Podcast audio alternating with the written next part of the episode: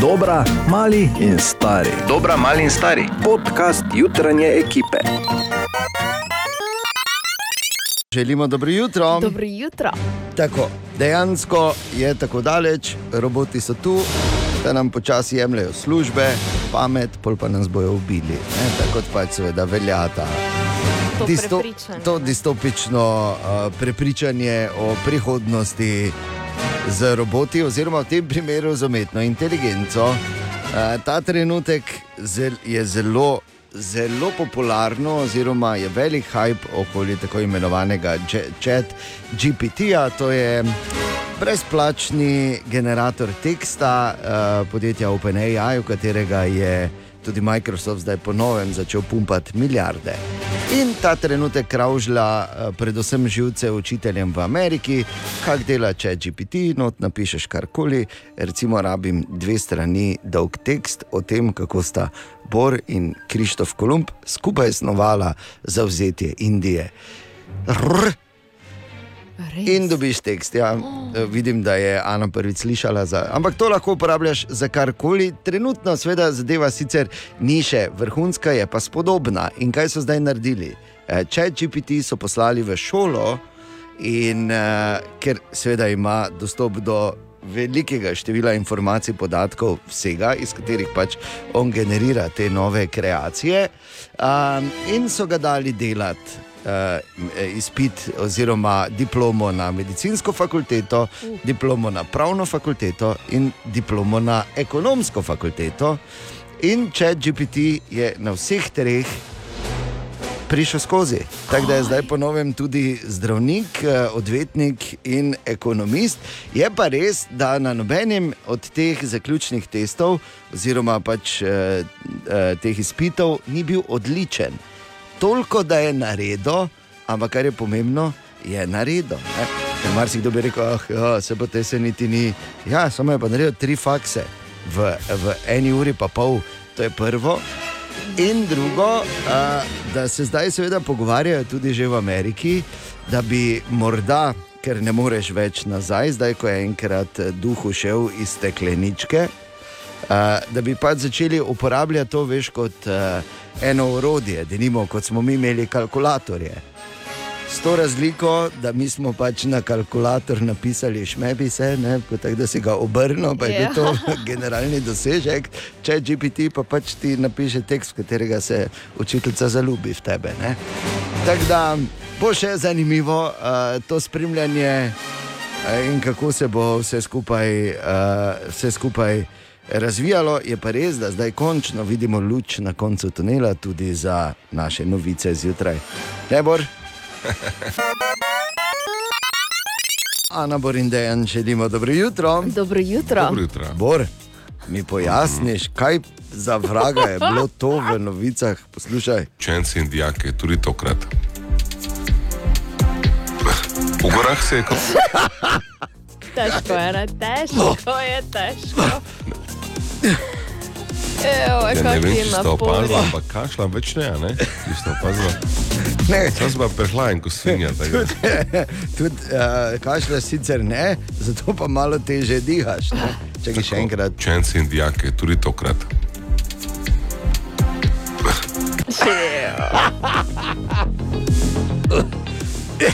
Dobro, kaj češ, ne, se bo. Dobro jutro, Dobro Dobro jutro. Spet je treba, Ja, da se reši ta teden, oziroma kot reče Bor. b- b- bo. b- b- Bor, kaj si v redu ti danes? Ne, Pač nisem, komunicira Ana. skozi te medmeter, ne sej.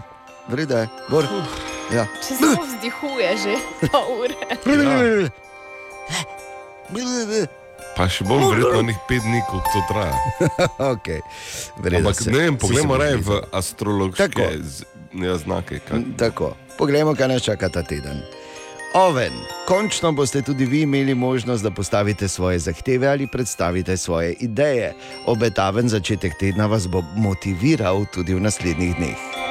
Bik, pasivnost in poželjivost vas na samem začetku tedna močno premamiti in zaradi tega boste postavljeni v neugoden položaj. Morali boste biti bolj jasni, kar pa tokrat ne bo mogoče. Dvojčka, nekaj je zagotovo, nihče vas ne bo mogel ustaviti, svojo dinamiko dela boste delovali zelo neukrotljivo in s tem nedosegljivo. Za vsakega boste našli par besed, a bo ostalo samo pri tem. Rak, morda se vam bo zdelo, da je vsega preveč, do določene mere bo to res in težko boste delali prave izbire. Ob koncu tedna se bo izkazalo, da je zbiranje nekaterih potrebščin ali resursov zelo pametna poteza. Lev, pred vami je še en zelo dinamičen teden. Zaradi svojih nepredvidljivih odločitev boste delovali še bolj napadalno in agresivno. To bo marsikoga zmotilo in zaradi tega bi se znal tudi zoprstaviti. Devica. Za vami je zelo konstruktiven in uspešen vikend, kar vam bo dalo voljo in energijo za naslednje dni. S takšnim tempom in načinom delovanja boste svoje zadožitve hitro rešili in to bo temu tednu dalo poseben pečat. Tehnica, upiranje in ugovarjanje tokrat ne bo rodilo nobenih sadov. Najbolje boste naredili, če počnete to, kar najbolje znate: iskanje kompromisov in glajenje sporov. Glej, sem zaznal še en talent, ki nisem vedel, da ga imam. Smisel sem bolj na unji strani. Ok, škorpion. To, kar si boste zadali, boste tudi uspešno dosegli. Potrebno pomoč in spodbudo boste dobili že takoj v začetku tedna. Z vsem tem znanjem, ki ga imate, zagotovo ne boste zapravljali. Strelec s svojim optimističnim načinom gledanja na življenjske okoliščine prepoznate korist v vsaki stvari, v kateri imate določeno vlogo. S svojim dinamičnim načinom pa boste v naslednjih dneh osvojili marsikatero srce. Kozorok, dnevi, ki sledijo, bodo prinesli nekaj več stabilnosti in miru, še vedno lahko okoliščine prinesejo presenečenje, na katerega pa sami ne boste močneje reagirali. Vodnar, kadar se nakopiči preveč vsega, nastane cel kaos. Nekaj takšnih izzivov lahko pričakujete v prihajajočem tednu, potreben bo preudaren premislek in dodatna strpnost. In ribi, tokrat boste mnogo bolj samozavestni in direktni, kar vam ni podobno. Pričakujete lahko bolj ostre odzive, s čimer pa tokrat ne boste imeli težav. Še bolj boste lahko pokazali svojo nežnost. Kaj? Kaj si ti? Kako se to gre skupaj? Ja. Tako. Rezali me boš- ti bom pa pel lepe pesmi. ali kaj Ja, ne? ne, Tak, ti, ja. začel boš pa ti, ker boš prvi vbodel, ker boš samozavesten in direkten, Tako. ampak nežen. Ena od treh, treh, treh. Jutranji sprehod po zgodovini popularne glasbe. Ja, oziroma mala šola popularne glasbe, dobro jutro še enkrat. Dobro jutro. In danes je 30. januar, na današnji dan, pred 72 leti, se je rodil eden največjih v popularni glasbi, zagotovo. Phil Collins ima danes rojstni dan. Phil Collins, ki je kariero začel na zanimiv način, veš, ko. Eh, To bo zdaj verjetno bolj vprašanje za Bora, ker Ana ti verjetno nisi gledala filma Beatlov iz 60-ih A Hard Day's Night. Ne? Uh, in tam v, v tem filmu Hard Day's Night, veš, ko bitli ta hodijo okoli in posod za njimi vreščijo navijači, eh, navijači, Ja. oboževalci, navijači, kakorkoli. Saj, ja. Oboževalke in oboževalci, no, Phil Collins je uh, bil v tej trumi, ne, nastopal v tem filmu kot eden od kričačev.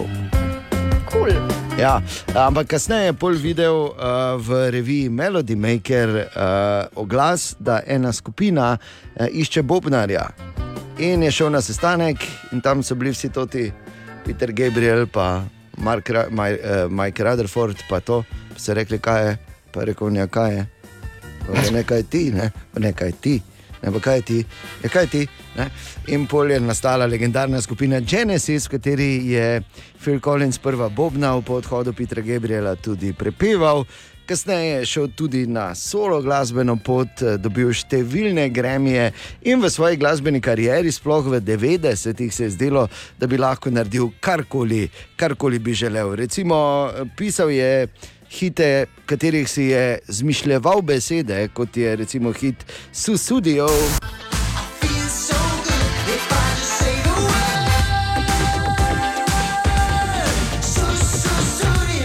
Susudio namreč absolutno nič ne pomeni. Ampak je absolutno izmišljena beseda. Potem je recimo izdal hit, v katerem je uh, odigral enega od najbolj legendarnih bobnarskih prehodov v popularni glasbi. Veš tisti, tu, tu, tu, tu, tu, tu, tu, tu, tu. Ne? Je bilo točno tako. Je to najti. Ja. Ja, tu, tu, tu, tu, tu, tu, tu, tu, tu, tu. Ali pa recimo pisal hite, oziroma napisal hit, za katerega je celo dobil Oskarja.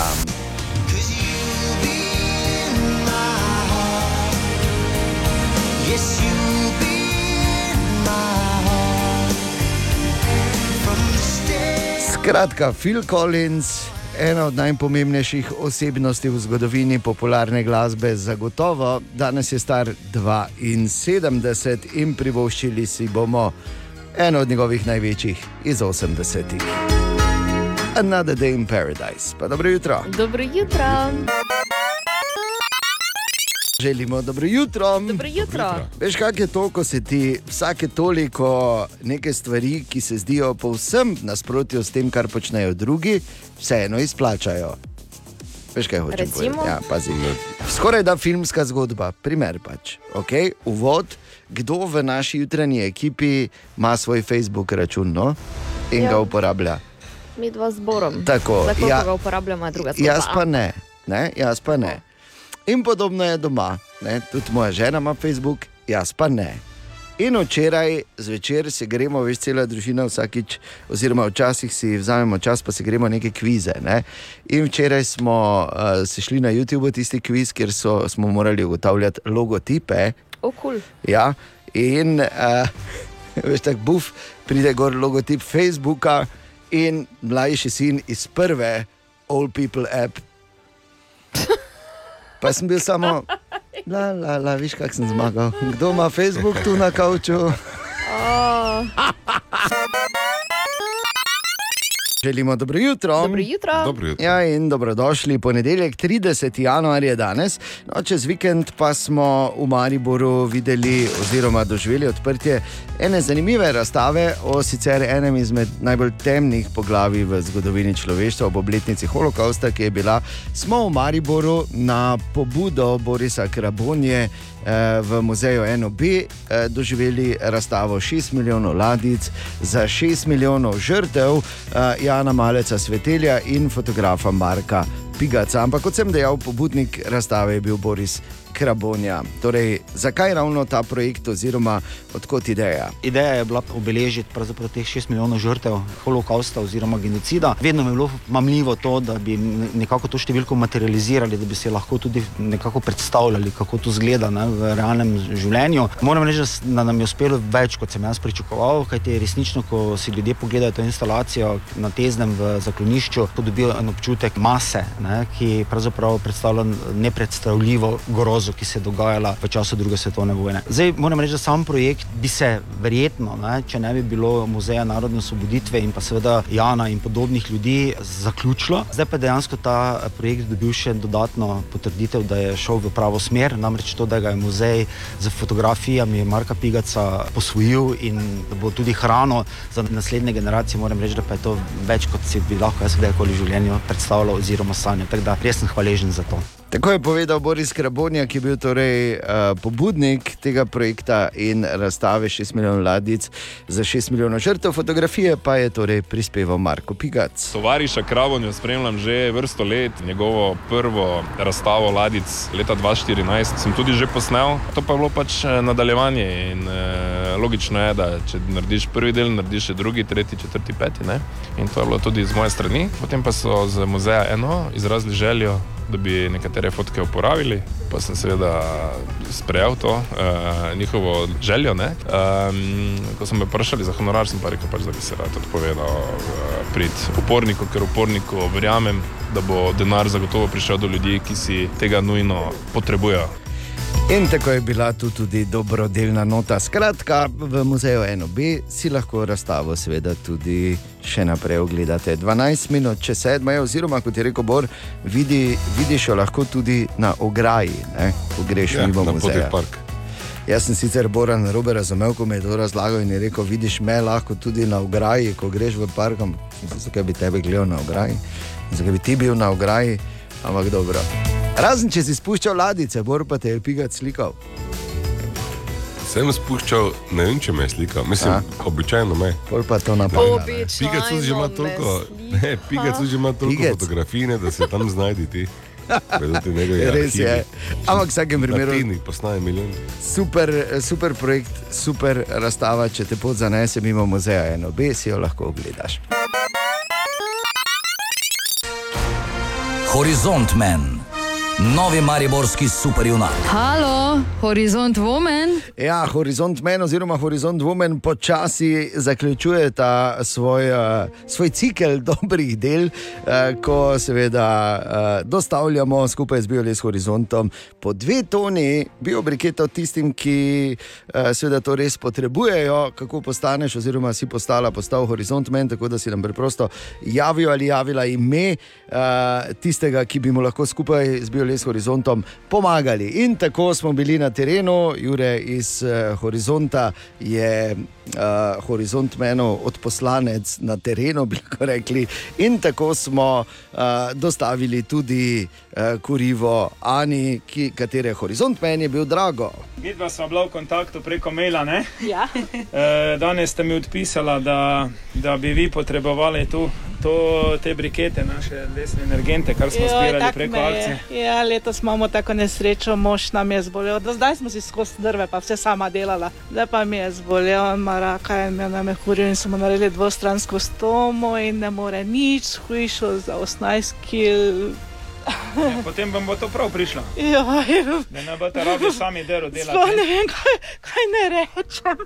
Ja, hvala vam, lepo, Lepo res. veseli nas, da pridete v prave roke. ne. Joj, res hvala vam. Kaj boste In tako je uh, Ana odkljukana, ima uh, rešeno kurilno sezono, kajti dve toni biobriketov sta v energetskem smislu uh, enaki osmim metrom drv, tako da Horizont Men je opravil še eno dobro delo.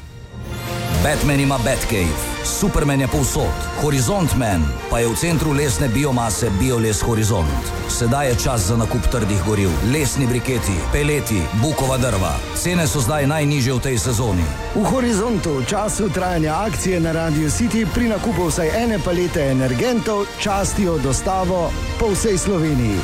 Center lesne biomase Bioles Horizont.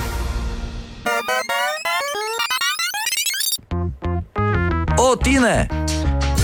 In tako tu običajno pride Tine, ampak ne danes.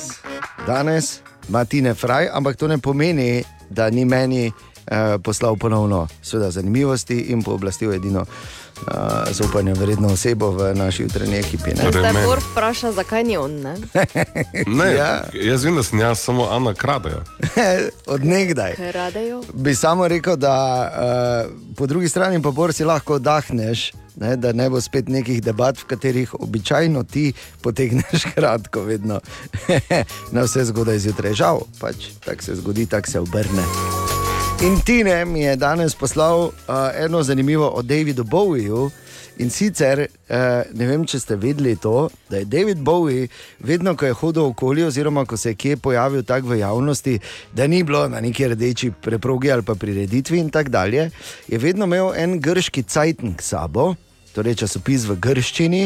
S temi pač njihovimi kvakami, uh, pa ne mislim slabšalno, pač, pač te, ne, veš, ko so pač krkine. Tako. Uh, in uh, to zato, da bi ljudje mislili, da je v bistvu Grk, ki je podoben Davidu Bowieju, ne pa da je David Bowie. Eh, pa daj, no, in to je dejansko kdo verjel v tem. Ja, očitno, ne? Očitno, očitno je prišlo skozi. David Bowie je bil eden od večjih asov v zgodovini popularne glasbe, eh, pa ne toliko zaradi muzike, ampak zaradi izjemno daljnosežnega eh, razmišljanja. Oziroma, tako se je zdelo, kot da ima malo uvid v prihodnost. Ena njegovih v bistvu teh uh, vodil ali pa razmišljanj je tudi meni že zelo zgodaj se v bistvu kar vsedla, ko je rekel, da prihodnost prih, uh, pripada tistim, ki jo slišijo prihajati. A, 19 minut Ču- pred 8. čudovito, da je. Uh, je še za mojo živalsko tukaj plac eh, v tradiciji? Ja. Ne, ne. Absolutno, da ne. Ampak, ampak daj, zdaj, če si že Ja, začel. mislim, Pove, zdaj ja ne, pove. ne, saj ne bom No, daj, daj, daj. Ja, Okej. Zdaj si že začel. Malo znano dejstvo je, da pande urinirajo tako, da najprej naredijo stojo Ja, na rokah. Seveda. In ko se vprašate, zakaj bi pande to počele, ja, s tem spravi von urina više na deblo in dlje naokoli. Ja, a, ampak je pa res, da veš, z leti, ko več ni tako uh, izrazitega curka, ne, je pa tak je problem. problem, ne. Tako da pazi, ko pride stari panda, pa reče, če lahko stojo nad tabo naredi. Horizont Men, novi mariborski superjunak. Halo, Horizont Woman. Ja, še zadnje dostave Horizont Mena oziroma Horizont Woman, novega mariborskega superjunaka oziroma superjunakinje. To si postavili, postala preprosto tako, da si nam javila, komu bi lahko skupaj z BioLes Horizontom rešili kurilno sezono in mu dostavili dve toni biobriketov. In tako smo to naredili tudi za Bredo, katere Horizont Men pa je bil upornik. Ja, veste, če sem vesela. Veste, da kdo pa ne bi bil vesel tega. Ne vem, kako se vam ne sploh zahvalim, da ste me res brali. Najlepša vam hvala, res. Jaz svojo penzijo, jaz poznam, jaz kaj imam to penzijo. Po možu imam, ne. Ja, in je to res Bogu. Najlepša hvala vam, res. Tako je rekla Breda, ko smo jo poklicali, da pridejo, da pride Jure in pubeci od Horizonta, da v imenu Horizont mena dostavijo, in potem smo jih dostavili. Ja, sem zadovoljna, res. Nikoli nisem imela življenja take sreče še. Pa ko smo bila z možem skupaj, še tudi nikoli. Nikoli, res da ne. Pa niti nisem mogla, ko znam otroke klicala, hčero pa sina. Sem Rekla, ne, moram verjeti. Ja, rekel, imamo te žije, kaj ti ne rečemo, mi drugo ne. Da ni res. ja, ja. Seveda, kak je, če nikoli življenje, 60 let sem stara, pa še življenje nisem nič, kaj, da bi mi kdo kaj podaril ali pa tako, da bi kaj dobila tega, ne, nisem res, da ne. To pa res, to pa me res razveselilo. Ja, hvala vam, res, res najlepša hvala. Vam. Hvala lepa vam, stokrat, res. Ne vem, kako se še ne zahvalim. Res, Veseli je nas, da je šlo to v prave roke. No? Res. Veseli smo, da ko vidimo, da, da vam to dosti pomeni, pa da Res, vam olajšamo malo. Res meni eh, res pomeni. Drugo polovico. Druga ne morem, ne vem, res. Ja, Breda je bila seveda vesela, Jure, ki je, uh, pač bomo rekli, horizont menov, uh, dostavljalec, pravzaprav ne izbijali iz horizonta, tudi. Uh, Vsi smo veseli no? in, in super, da smo lahko tudi na tak način še enkrat več opravili dobro delo. Batman ima Batcave, Superman je povsod, Horizont Man pa je v centru lesne biomase BioLes Horizont. Sedaj je čas za nakup trdih goriv, lesni briketi, peleti, bukova drva. Cene so zdaj najnižje v tej sezoni. V horizontu v času trajanja akcije na Radio City pri nakupu vsaj ene palete energentov častijo dostavo po vsej Sloveniji. Center lesne biomase BioLes Horizont. Kot obljubljeno iz Beleka, ekskluzivno za nas, Matjaš Alamon Šalca, zdrav Šalca. Lepo pozdravljeni iz Beleka, iz eh, vijolične baze. Zdaj smo v tisti fazi priprav, ko že odštevamo do konca. Namreč z današnjim dnem so še štirje delovni dnevi in potem v petek polet do Dunaja ter vožnja do Maribora. Um, Medtem ko se nismo slišali, je bil v petek uh, vremenski potop, pravijo tu lažji, ampak uh, vseeno je veter pihal s tako jakostjo, kot ni pihal že od leta 86, zato si lahko predstavljate, da nismo imeli neke želje eh, popoldne in zvečer hoditi zunaj, posebej tudi zato, ker sta nas soboto čakali dve tekmi, eh, tista jutranja z Šahterjem, drugo ekipo, kjer so igrali predvsem naši mladi igralci in pač nekaj starejših, ki manj igrajo. V tej tekmi bi vsekakor izpostavil mladega Lorberja, ki kaže neverjeten napredek, in pa tista glavna tekma proti Dinamo iz Kijeva. Verjetno ste si pogledali najzanimivejše trenutke, pa še vseeno velja omeniti, da je Maribor eh, pokazal eno zelo dobro podobo in da je izstopal Jojo Iličič, ki je odigral 90 minut in z nekaj potezami in tisto tudi na koncu eh, miniaturo, ko je praktično celo obrambo vrgel na rit in pa dal Brniču za gol, dokazal, da se vrača na stara pota. Za nagrado je bil včeraj več ali manj uh, prost dan, igralci so. Uh, po tekmi tudi z manjšo slovesnostjo proslavili Jojetov rojstni dan. Mi smo včerajšnji dan, naša ekipa, uh, uh, pomočnikov izkoristili za obisk Antalije.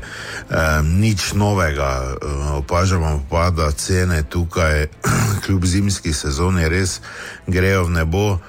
Našemu fotografu smo seveda eh, dali denar, eh, da gre po sladoled k tem mojstrom, ki ti na dolgi palčki pol pet minut ne dovolijo, da vzameš kornet ali pa vzameš kornet, pa gorni sladoleda ali te zmočijo z kepico pistacije. Vladem, ne vem, zdaj na pamet, mislim pa, da je sladoled stal okrog eh, eh, 10 evrov. Danes nas čakata dva treninga, se pravi normalen delovni dan in počasi priprava tudi za zadnjo tekmo proti Šahtjeru iz Donetska, ki bo v sredo. To je to, se slišimo jutri. Ekskluzivno in aktualno iz priprav NK Maribor v Turčiji, Matjaša Lamunšalca. Pa dobro, kaj ti veš, da imajo v moto timu 100 vesp na zalogi? Kako naj za eno si zberem? Ja, kak, tako da rečeš to, to bi imela. Pa veš, kaj je to barv? Dve sem rezervirala, pol pa ko sem vun šla, pa sem še moto Gucija videla. Moto Team Maribor, varna hiša za moške. In tu je naš priljubljen jutranji segment iz Borove špajze. Bor, dobro jutro. Dobro jutro. Jutro. Upam, da pokate od zdravja, meni kot slišite, gre to izjemno. Ja, že Danes nekaj zjutraj- časa. Ja, danes zjutraj sem se še uspel skregati ne samo z vsemi, ker ko, ko si malo bolan ne, ali pa malo prehlajen, potem so, so vsi okoli krivi. Tako da uspel sem se začeti GPT-jem, ki ga danes, danes zjutraj omenjal, že skregati. To je seveda. Uh, Ti si edini, edini ja. ki se skregaš z umetno inteligenco. Ja.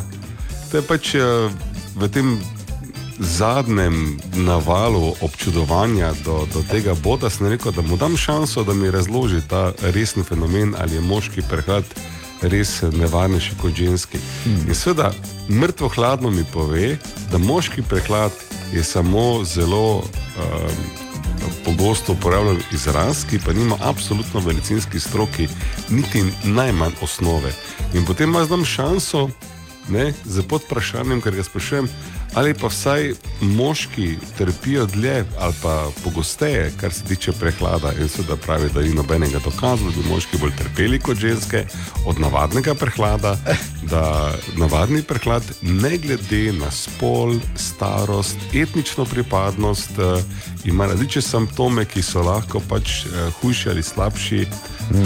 ali boljši od osebe do osebe.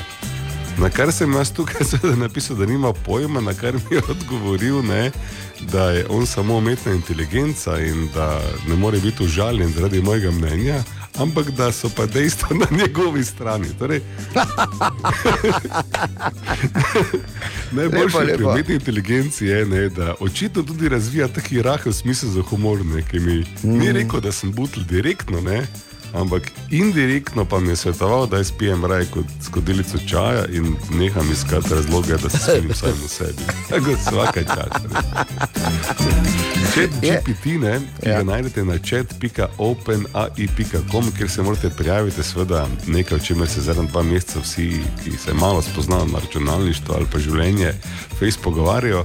Kam nas bo to pripeljalo, ne vem, ampak jaz pač špekuliram, da se bom lahko kot eh, naročnik eh, Microsoftovega Officea kmalo tako pogovarjal tudi v Wordu, brez da Ja. bi moral kak dan čakati, ko je tu gužva. Glede na milijarde, ki jih Microsoft uh, vliva v OpenAI, zagotovo to je A, in B, po drugi strani pa sužalje. Ne? Še en, ko se pač račali, žal na tvoj račun. Če gre še eno, še eno stvar, samo probam pri njem. Ne? Ja. Uh, do you know Dejan Vedlin? Ja. Hmm. I'm not sure who you're referring to the name Dejan Vedlin. No, vidiš. Uh, famous. Ne, daj nehaj, no. Lahko nehaš, Moderator. Ana, da rečemo, ne neha. Ne, daj no. Joker. Pusti ga. Kaj? A famous, mo- torej, da je znan. Ja, ja, ja, ja, ampak Aha. In šalivec. Ja, in? nismo mi še tako daleč, da bi nas umetna inteligenca poznala bolj. Opravičuje se, še vedno ne ve, kdo je Pa Dejan to ti pravim. da- Hvala Bogu, naj samo tako stane, ko bodo droni napadli.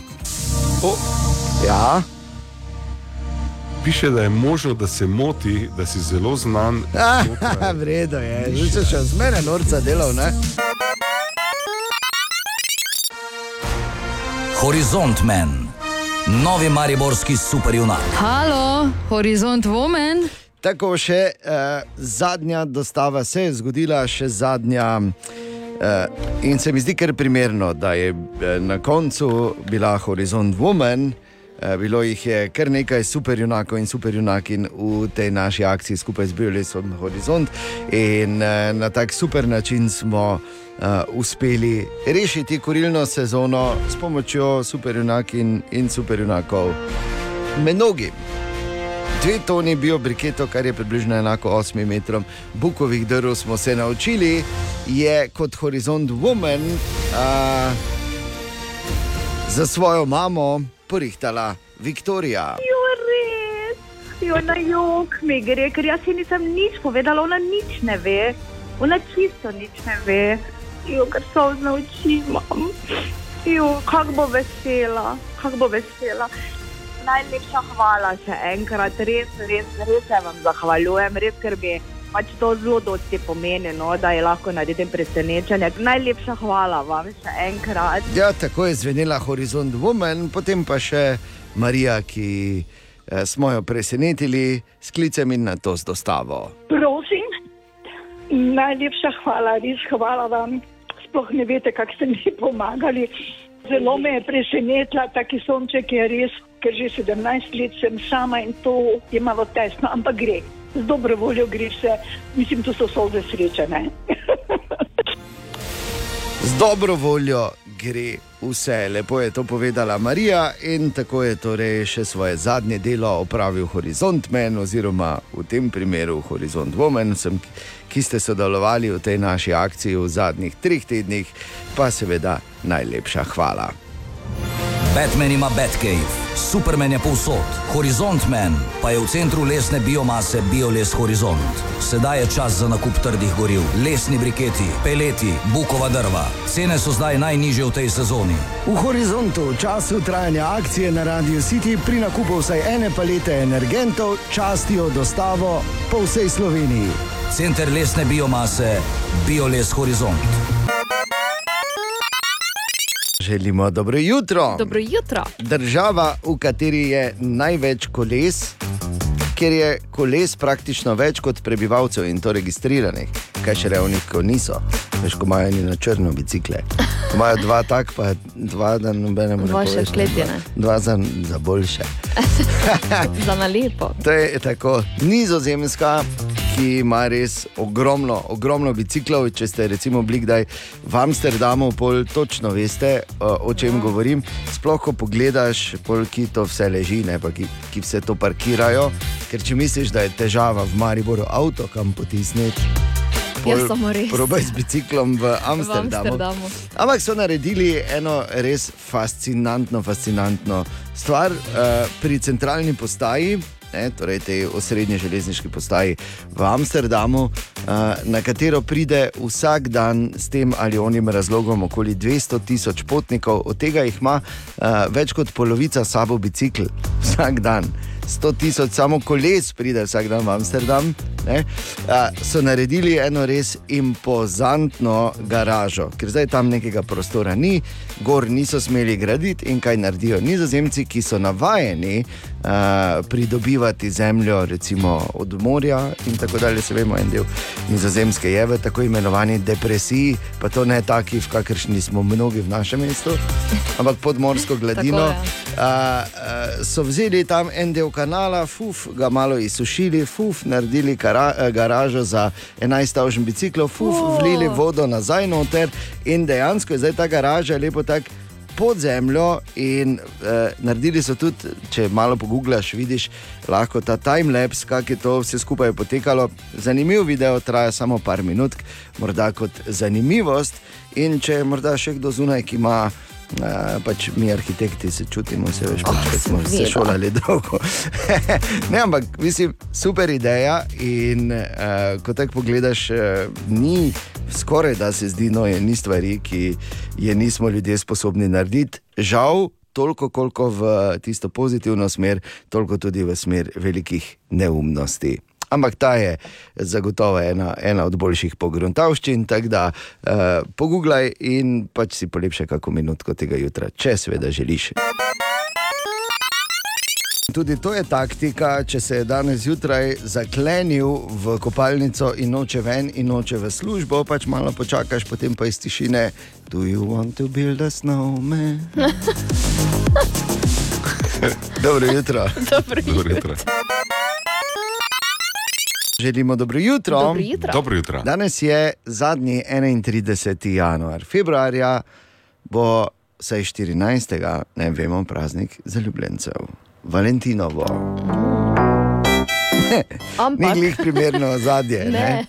Ampak eh, moram povedati o eni vrhunski, vrhunski akciji, ki jo izvaja en živalski vrt v Združenih državah Amerike, ki jo priporočam tudi recimo Mariborskemu akvariju in terariju, morda celo Ljubljanskemu živalskemu vrtu. Ker imajo, domislili so se, po mojem mnenju, res fenomenalne akcije za kak dodaten dolar. Tam namreč lahko v času Valentinovega, ker dajmo si naliti čistega vina. Ko pomislimo na svoje bivše, kaj je recimo prva prispodoba, na katero pomisliš? Verjetno nič dobrega. Ne? Redki so tisti, veš, ko bi uh, rekli, ne vem, ko pomislijo na svojega bivšega, pa mislijo, oh, ti slonček moj. Ne? Bivši je z razlogom bivši, Tako. naj tam ostane. Tako, A, ni slonček moj ali pa ne vem, moja Ne, rdeča panda. ni. Rdeči panda, moj ne bo. Ampak uh, zato so že- želeli v uh, tem uh, živalskem vrtu San Antonijo to izkoristiti in za 5 dolarjev uh, lahko, recimo v akciji, ki so jo poimenovali Kraj mi a cockroach, poimenuješ ščurka, glodavca ali glavo solate Oh, ki so seveda predvideni za hranjenje živali, ki so tam. In eh, se na tak način čistiš. Lahko si seveda lahko svojemu bivšemu ali bivši tudi pošleš link. Ne, z čestitko, kjer piše, kraj mi je kokroč, bojan. Recimo, ne. in pol za 130 eh, evrov pa lahko dobi ta uh, bivši tudi ali bivša video, kak je recimo ščurek bojan, ne, Ja, kaj? šel noter k bradati agami in ga je ta pohrustala. to, kako bizarno. Ja. Ampak gledaj, ful denarja zberejo Mogoče vsako leto. bi. eh, Ful denarja zberejo vsako leto, to je zdaj že tretje leto, ko se grejo akcijo, ki jo so jo ljubkovalno poimenovali Krajmija Cockroach na, uh, na Valentinovo in uh, na tak način pač poskrbijo za boljše pogoje za živali, ki tam bivajo. Ne? Zakaj pa ne? Veš tako, da dobiš tako imenovani closure. Ti- živali pa rešiš. Ja, ne? kot ti Marijano, ne, pajsne, piton. Tako da, Marjana je miš. v tem primeru da. 20 minut pred sedmo. dobro jutro. Dobro jutro. Ena od treh, treh, treh. Jutranji sprehod po zgodovini popularne glasbe. Ja, in danes eh, se poklonimo ali pa čestitamo za 42. rojstni dan Justinu Timberlakeu. Justin je torej že Čestitke. Ja, 42. Uh, zlati kraužl, ne, popularne glasbe. Ne, tisti mim je boljši, ko je. Kravžl. Ne, tisti mim je boljši, ko on pride pa reče, torej Justin, Bog me je poslal, da delam glasbo. In potem ja. druga slika, ko je oni od metalike. Headfield. Ja, Headfield reče. Ja, nisem. Ja, ampak Dobro. eh, zdaj, eh, tudi če damo na stran vse te priložnostne vice, šale in dejstvo, da se Bor trudi biti uh, mlad s tem, da gleda mime. Ja. Uh, je, če, če je uh, kralj popa Michael Jackson predal uh, svoje žezlo, ko je šel prepevati in plesati v oni veliki bend tam gori, je zagotovo eden od kandidatov za to, da ga dobi Justin Timberlake. Res izjemen, izjemen glasbenik, pa tudi, moramo reči, zelo soliden igralec. Zdaj že desetletje poročen z Jessico Bill, s katero ima tudi dva otroka. Ampak eh, nekako smo ga začeli spremljati, oziroma je udaril tam ob koncu 90-ih, ko jo je uh, ljubil Britney Spears, ko je Britney Spears še bila za ljubiti, ker vemo, pol je to šlo fejst ni zbrdo. Ne? No, skotalilo se je. No, pač, ja, ne, vmes je se obrilo, pa pol parkrat izključilo svoje družbeno mreže pa in tako dalje. No, ampak Justin uh, nikoli ni imel večjih takih težav. Izjemen glasbenik, torej 10 gremijev je že dobil v svoji karieri in eh, seveda smo ga spoznali v bojbendu, kako pa drugače. To je bilo namreč pred temi reality šovi eh, edini pravi način, kako postati slavn in uspešen.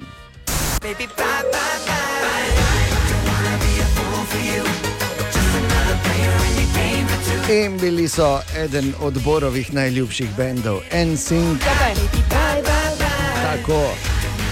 Justin Timberlake in ostali, ker če lahko danes kdo člane skupine NSYNC našteje, razen Justina, seveda. No, in potem so uh, po letu 2002 so se odločili, da ne bodo več nastopali skupaj, in Justin je rekel: nič, po pa grem jaz solo pot, ki je dala številne izjemne hite, hite kot so denimo Mirrors.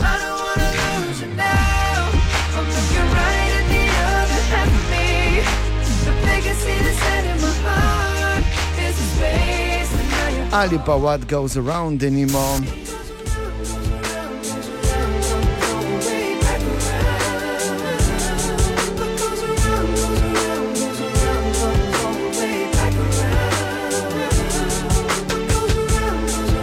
In pa seveda, can't stop the feeling, Justin Timberlake je torej danes star 42, vse najboljše, Justin. Ne?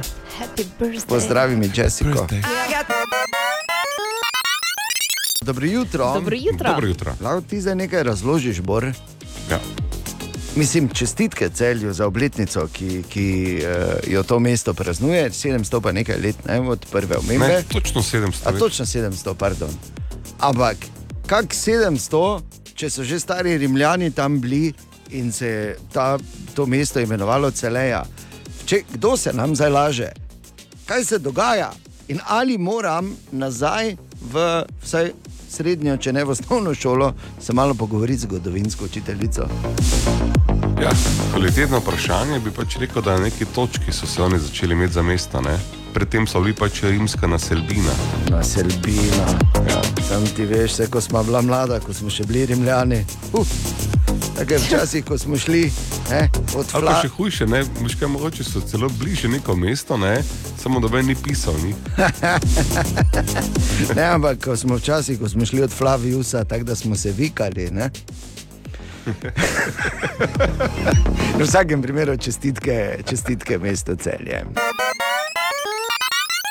Dobro jutro. Dobro jutro. Ja, dobro jutro. Imamo kar kul cool ali kar slabo. To je veško. Mi mislimo, vsak od nas za sebe, seveda, da je to ena zanimiva informacija, ker kul cool vprašanje, če se ravno s tem strinjata ostala dva v ekipi. Ana, Ja. lahko začneš. Um, ne vem, če veste, ampak delajte se, da ne veste, kako ja. je Google prišel na idejo, da bi lahko pri njih iskali tudi fotografije, torej slike na Google. Ne? Ja. Navdih je bila Jennifer Lopez. Na podelitvi nagrad Grammy leta 2000, eh, tam je nosila Versačevo neko tako zeleno obleko, in potem jo je googlalo toliko ljudi, da je Google rekel: Aha, kaj pa če bi mi naredili tudi iskalnik fotografij.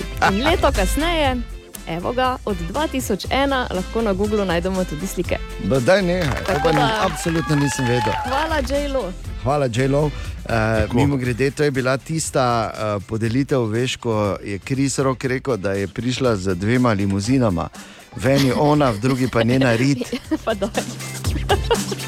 Eno. Ja. Ja. Tako da, ja, ker kulana, moram reči, hvala lepa, nisem vedel. Evo.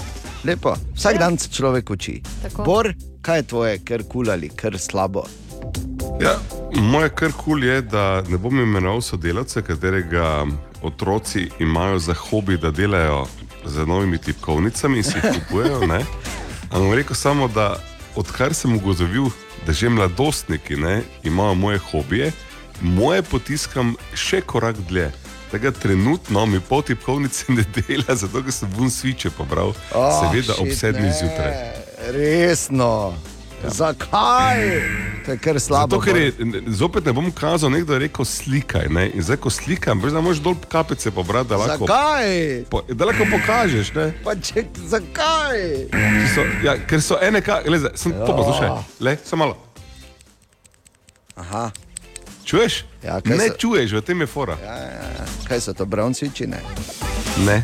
Kaj delata mogo, vajni družini v popoldanskem času? Naj samo Ja. ja. povem, da, sem, uh, da malo vemo, o čem Bor govori, zato ker sem enkrat dve tipkovnici nazaj, veš, tako mi merimo ne, čas, v bistvu, uh, pomagal pri, uh, pri tem, da se cela, ne pri lubanju A ja? uh, svičev. Ne, ampak, Ti veš, kaj je da- lubanje, Ana? Ne. To ni, da nekom rečeš, da ti je lubani. Ampak da vzameš, vzameš mast in malo z takim posebnim čopičem, A ja. posebno mast namažeš v Potem- posebno lubrikiraš. Potem lubriciraš, ja, ampak potem, ko razstaviš te sviče na prav faktorje. Ja. In, in moraš za to imeti posebno orodje, ki ga seveda moraš posebej kupiti. Tako. Ne? Ja, Ja, tako da- Ni dovolj filčke. puler, da vem potegneš, Ne, rode, ne, da ga ja. razstaviš. Tako. Bi samo rekel, če se vam to zdaj zdi ograbno, ne glede. Ni bilo, ko včeraj se spomnim, par tavžen let nazaj smo se lovci srečevali, pa si loke kazali. To je isto. Samo da imamo zdaj lubane tipkovnice. Okay, uh, še bolj vseeno. Ker slabo. Ja, ker slabo. Ampak izčrpno. A, moje kar kul dejstvo je, po mojem, vsaj, to, da so ugotovili, da tisti, ki se rekreirajo samo čez vikend, niso nič kaj dost manj fit kot tisti, ki se rekreirajo tudi med tednom. No, Če pa to ni kar to kul, pravim. to je to. E, drugo je seveda bolj tako ti, ki se ne rekreiraš ne med tednom, ne med vikendom. Je pa no, že za vikend prihaja. Ja. Kako bo to? Ja, pul. Ja. Zdaj, ko vem, da se splača. Ali se ti zavedaš, Bor, da jaz še zdaj ne morem priti mimo tega dejstva, da sva uspela v eter izgovoriti in da sem jaz celo bil prvi, ki sem izgovoril frazo lubanje tipkovnice. Za tiste, ki ne veste, ena interna igra je, ker je to povezano s tipkovnicami Dobro, dobro, in dobro. zelo specifičnim um, uh, hobijem. Ne, Ja. Da Vedno, ko rečeš lubanje, potem dobiš na konto eno tako mini zmago. Ne. Ampak eh, mimo tega moraš vedeti, da jaz sem zadnji, ki sem vsakič, ko jaz izgovorim neki tak gigovski izraz, ko rečem recimo lubanje tipkovnice, crkne v palo alto en hard disk. Tam nima več hard diska. Mogoče ne bi več, eno glej. Ali pa je SSD, dobro, no, SSD, vse, ja, kak si pameten. Na, Pač na tam M2 crkne, dobro, že. okej. NVMe. Pa, Pa, e- to je v bistvu SSD, samo da je nek Ka lahko reform faktor prosim, M2. Umrla Ja, bom. Ja. Pač, Ana, malo se menimo, pubici. ne, Re, ne, ti se meniš, mi kožne celice. to ti vse skozi. V bistvu na mesec enkrat celo kožo menjaš. No, spet je šel odprtih oči skozi naše mesto, Jaša Lorenčič. Jaša, kaj si opazil? Zdravo. Zdravo. Jutro. Zakaj bi ovinkarili, če pa nismo taki? Eh, mi pa že ne, ker vemo, kaki smo. Mari borčani smo že pregovorno, strastni, impulzivni, včasih pa tuji, priznajmo si, malo neugodni. Vse smo vsi že kdaj slišali opis vikend zgodbe. Tri ure smo skupaj sedeli, vse je štimalo, vse je bilo fajn, pol pa so se kuj naenkrat sfockali. Ampak predvsem mari borčani smo, v dobrem in slabem. Sploh pa v teh sodobnih cajtih, ko je dovolj že to, da nekdo bilo kje objavi fotko, kaki zimski raj je na Arehu. In to za začetek počitnic. Adijo, kako pa je bojda bilo. Ko to viš, ko to čitaš, da se je rintalo z avti gori doli na okoli, vsi gor, verjamem in vem, da ni fajn, ko je kaos.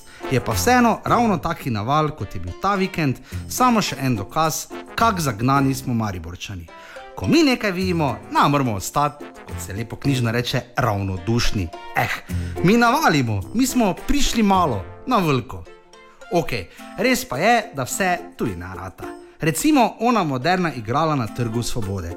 Tri leta so se živahno guncala sem pa tja, ampak očitno kaj takega žal še ni za nas. Moderno guncanje nas nekako izziva, mahantle, kot se lepo reče. Kar je škoda, ker je bilo res lušno videti otroško guncanje, vsekakor bolj kot vandalizem, pa grafite s tak nasilno vsebino. Če že moraš, če je že tak mariborska sila, pol ali greš ven na pohorje, v breg, ali pa če že napišeš, tako je z velikimi rdečimi črkami napisano na enem od prehodov v Noji vasi, kako fejs rad imaš svoje dekle. Če ti je že taka sila. Ja pa i, ja, samo Mariboru. Ja pa i. O, Tine! Ja, medtem ko Bor bi to vedel, slovenski ornitologi hodijo srednje vzburjeni okoli, ker spet na tisoče Jo, pa pinož eh, zimuje v Sloveniji, mi pozdravljamo Tineta, dobro jutro. Jaz pa mojega prijatelja, ornitologa Alena. Evo, Tu imaš zdaj. super. To ti malo večji vrabci so spet prišli in zdaj jej. Ni si? to vrabec, ker je dosti bolj svetlo rjav, ne? trebušček ima beli, krilca ima pa tako, da bi mu s čopičem narisal take lepe rjave obrobice. Se upravičujem, ker ne delim navdušenja nad ja. Ja. rjavimi obrobicami. Pa res so lepi. no. Tine, kak si? Absolutno ne rabite. Ne? Ne, pogrešali Ne, ne, smo te včeraj. rabimo, ampak-. Pinoži se selijo v velikih jatah in so vedno fajn zagledati. ne. Pinoži ali so pinože? Ne. No, mi reči. Odvisno, vprašaj Štajerca. Kaj me vprašaj pa daj nehaj, Slovenije. no, pa daj mir, no. Da se te menimo. Pa v redu, epinože so, milijonih je, Juhu. lepo je videti. Noro. Gremo dalje. Kaj zdaj? Ja. To je tako, poleti pa ne Milijonska vidim. jata je, ne- Ja, milijonska jata je. Čez en mesec smo pa vsi kašljali, bo pa pinože, ker je pa Ja, vse tako, skupaj. da ne. ker kaj veš, kaj to prinese. In zakaj ni, gripo, zakaj ni tega veselja, ko poleti rojijo krilate mravlje? Recimo. Recimo ne? Ja. Ja, viš, ne? Pa no. tudi simpatično. Ali pa pred leti, ko so bili Res Keberi. Mike Keberi. Mike Keberi. Dobre. Tine, včeraj te ni bilo, danes si, veš, kak je to. Ne? Kako to, ne? Prija? Ja, je. Te, te ni, te si. Te pol si, pa spet je tak, ne. Drugače. Ja, ja nič, vrede je, ne. Si, no, to, to samo da si. Nisem Da si bil je. na Arehu, čez vikend, to povem. Eni od, eden od redkih skupaj z mano, ko smo pač raje doma ostali, Ja, ja, res, bolj ja. pametno. Bor, si bil? Kje zdaj, pri pinožih? Pri nožah. Ja, pa če pinoži. Na Ja, ste ena pinoža. Ja, ne, če pa je gužva. Pune, ampak je pa pravlično. Gužva pune, si ga čutil. Kužba bo ne, ampak prav Dobre, nič, gremo dalje, ker vem, da z te moke ne bo, Ne bo, ne bo. ne bo nič, kaj še le kruh. Uh, za vse, ki potujete, recimo na Na Filipine, Areha, kam zdaj potujemo? Počakaj, da pove. No. Počakaj, ja. ne, bodi tak, kot, ne, ne bodi nestrpen kot pinoža. za vse, ki potujete na Filipine, Ja. Zaradi eh, pač, eh, vse splošne svetovne krize in tamkajšnje inflacije, Ja. eh, je najdražja stvar na Filipinih, dražja kot meso, postala čebula. Nehaj. Tako da eh, v bistvu imajo najvišjo ceno na svetu čebule tam. Kaj si ti nor? Ne bi zdaj kazal na očitno, ampak dobro jutro, prebivalke, prebivalci Dornave. Ker če bi začeli pakirati, pa malo ljuka poslali, Luka, ja. ne, Ja. da bi. Ker eh, ne vem, kako recimo tam res tanega delajo. Ne? Kaj si čebule. Samo, sem to res jaz bi.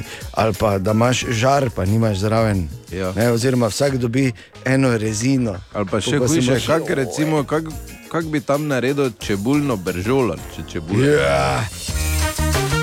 Ne, te veš, da je kriza, če si moraš čebulo vuntalati. ne. In tu je vprašanje za Hajfek za danes zjutraj. Bor, Zoja je pisala na jutraf na radio city.js in jo zanima, si pripravljen? Ja. Ali je Zemlja v celoti raziskana, ali še obstaja kakšen neraziskan kontinent, ki nam ga skrivajo? Kontinent, ne raziskan. Kontinent. Okay, kako mesto še, ampak da je cel kontinent bil Ja. ja. neraziskan. Ja, Ja, tudi glej. potopljene štejemo. No, naj samo povem, da seveda velik del planeta še ni raziskan, ker je Tako. morje velik misterij, uh, zoja, ampak um, ali je res kak skrit kontinent? bolj iskati izgubljeni kontinent. Ja, prosim. Ja, ker recimo bi jaz tu se pridružil, Ne, ne ker kot so prišle pinože. ne. Ja, recimo. Joj. ne. Iz izgubljenega kontinenta. Ja, Pino. pinožje. Ja, vidiš, ja, pinožje. Iz pinožje. Spinoži, kot je rekel Bor, in eh, neraziskanimi skritimi kontinenti, nasledi eh, do pač razkritja vaha efektu, ki sledi Indijana Bor, do takrat pa. Mogoče pa samo do takrat, če Ani rečemo, Ana, ni pi, ampak je med. Dajno. Kaj to je zdaj bilo smešno? Ja, to je zdaj, ker so medno, mednoži, ne. Ha, ha, ha. Bravo, Bor, znaš, veš. Aha, aha, aha, aha, aha, aha, aha efekt. In Bor danes odgovarja na vprašanje Zoje, ki jo zanima, ali je Zemlja v celoti raziskana, ali še obstaja kakšen neraziskan kontinent, ki nam ga skrivajo. Bor, Zemlja ni povsem v celoti raziskana, ni kontinenta, ki nam ga skriva. Vsi kontinenti na Zemlji so bili tako uh, najdeni, kot tudi kartirani. Ali vemo, kje je Atlantida? Ne, lokacija Atlantide ni znana. Uh, grški filozof Plato je omenjal, ampak večina Platon zgodovinarjev meni, da je to. Kak? Platon ga mi imenujemo. Ne, Platon. Rekel? Platon. Ja, Platon, ja. Plato imaš ti, veš, kje ne? Na temenu. Jaz sem prehlajen nos in tihi ne bomo rekli. Ja. Platon je mislil, da je eh, resnična, omenjal je v svojih delih, ampak večina zgodovinarjev pravi, da je to samo mit. Kaj bi bili najbolj odročni deli, kamor lahko mi gremo iskat take kraje, globoko v morju, tam, ko je Marijanski jari, gotovo ni hude gužve. Tam, ko so um, špici v smislu. Pici v smislu hribov? V smi- Ja, nam ga parbat je znan po tem, da ni, da ni gužve tam. Ne? Ali pa recimo uh, na sredi nekakšnih puščav, ali pa recimo v nekih zelo gostih džunglah, Ne, ali pa tam- recimo tam, ko so ledene kape. Bor, imel si me pri špicih v smislu hribov. Oh, joj. Zakaj? Tako. Mislim, Bor, hva, hvala, da si. Samo hvala, da Res, si. res. Je tako, da Zoja evo. nič nam ne skrivajo. K2, na primer, za tebe se mi zdi taki Je, izrezen. v redu, v redu. A to je tudi eh, špic v smislu hriba, ne? To je špic v smislu gore, bože. no. Ali tudi vi pogosto totavate v temi? Aha efekt, da boste vedeli več. In želimo dobro jutro. Dobro jutro. Dobro jutro. In Bor, ne morem reči drugače, bravo, bravo, bravo in, in hvala. Zdaj sem več čas razmišljal, ampak to, kar smo slišali v Hajfektu pred par minutami, Tam, ko so um, špici v smislu. pici v smislu hribov, ne? V smi- Ja, nam ga parbat je znan tem. Špici v smislu hribov. Tako. To je, Bor, to po vseh teh letih, po vseh teh letih še vedno preseneča, ne, Ana? Neverjetno. Eh. Kje, kje je temu konec? In Druga ne sem- moreš reči samo, ko Bor, hvala. Res je. In sem razmišljal, kje, kje Bor biva. Bor je v bistvu tam, kjer, kjer se srečajo, pazi, talent, norost in drugačnost in se divje ljubijo. Tam znotraj tega trikotnika. S podarkom na divje. Ja, ne znam si drugače predstavljati. Da Vsaka čast. Če ne veste, kako bi, ko se ne spomnite, kako se reče planinam, goram, rečete pač, da so to špici v smislu hribov. Hvala, Borgrajner. Ana Borin Dejan, želimo dobro jutro. Dobro jutro. In tu je zdaj en moment iz, um, kako bi rekel, to je, prisežem, nisem si to zmislil. Ampak včasih se pač nekatere stvari zložijo. Ste pripravljena? ja. Kaj bor? Si? Seveda smo. No, ok. Ena od uh, aktualnih in novih izvajalk je izvajalka, ki je za umetniško ime vzela besedo Loj. da piše se zelo i, Aha, ampak če rečeš ja. to pri nas, loj je loj. Loj. Ja, torej loj, ne? to je njen uh, nov singel.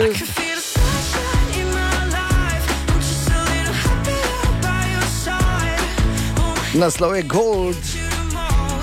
Ampak, seveda mi ni dalo miru, ne? pa smo potem uh, skupaj z Markotom Frasom šla malo v raziskovanje. Gre v bistvu za Nemko, katere, pev, uh, katere pravo ime je Leoni, piše se pa Grajner. Daj nehaj.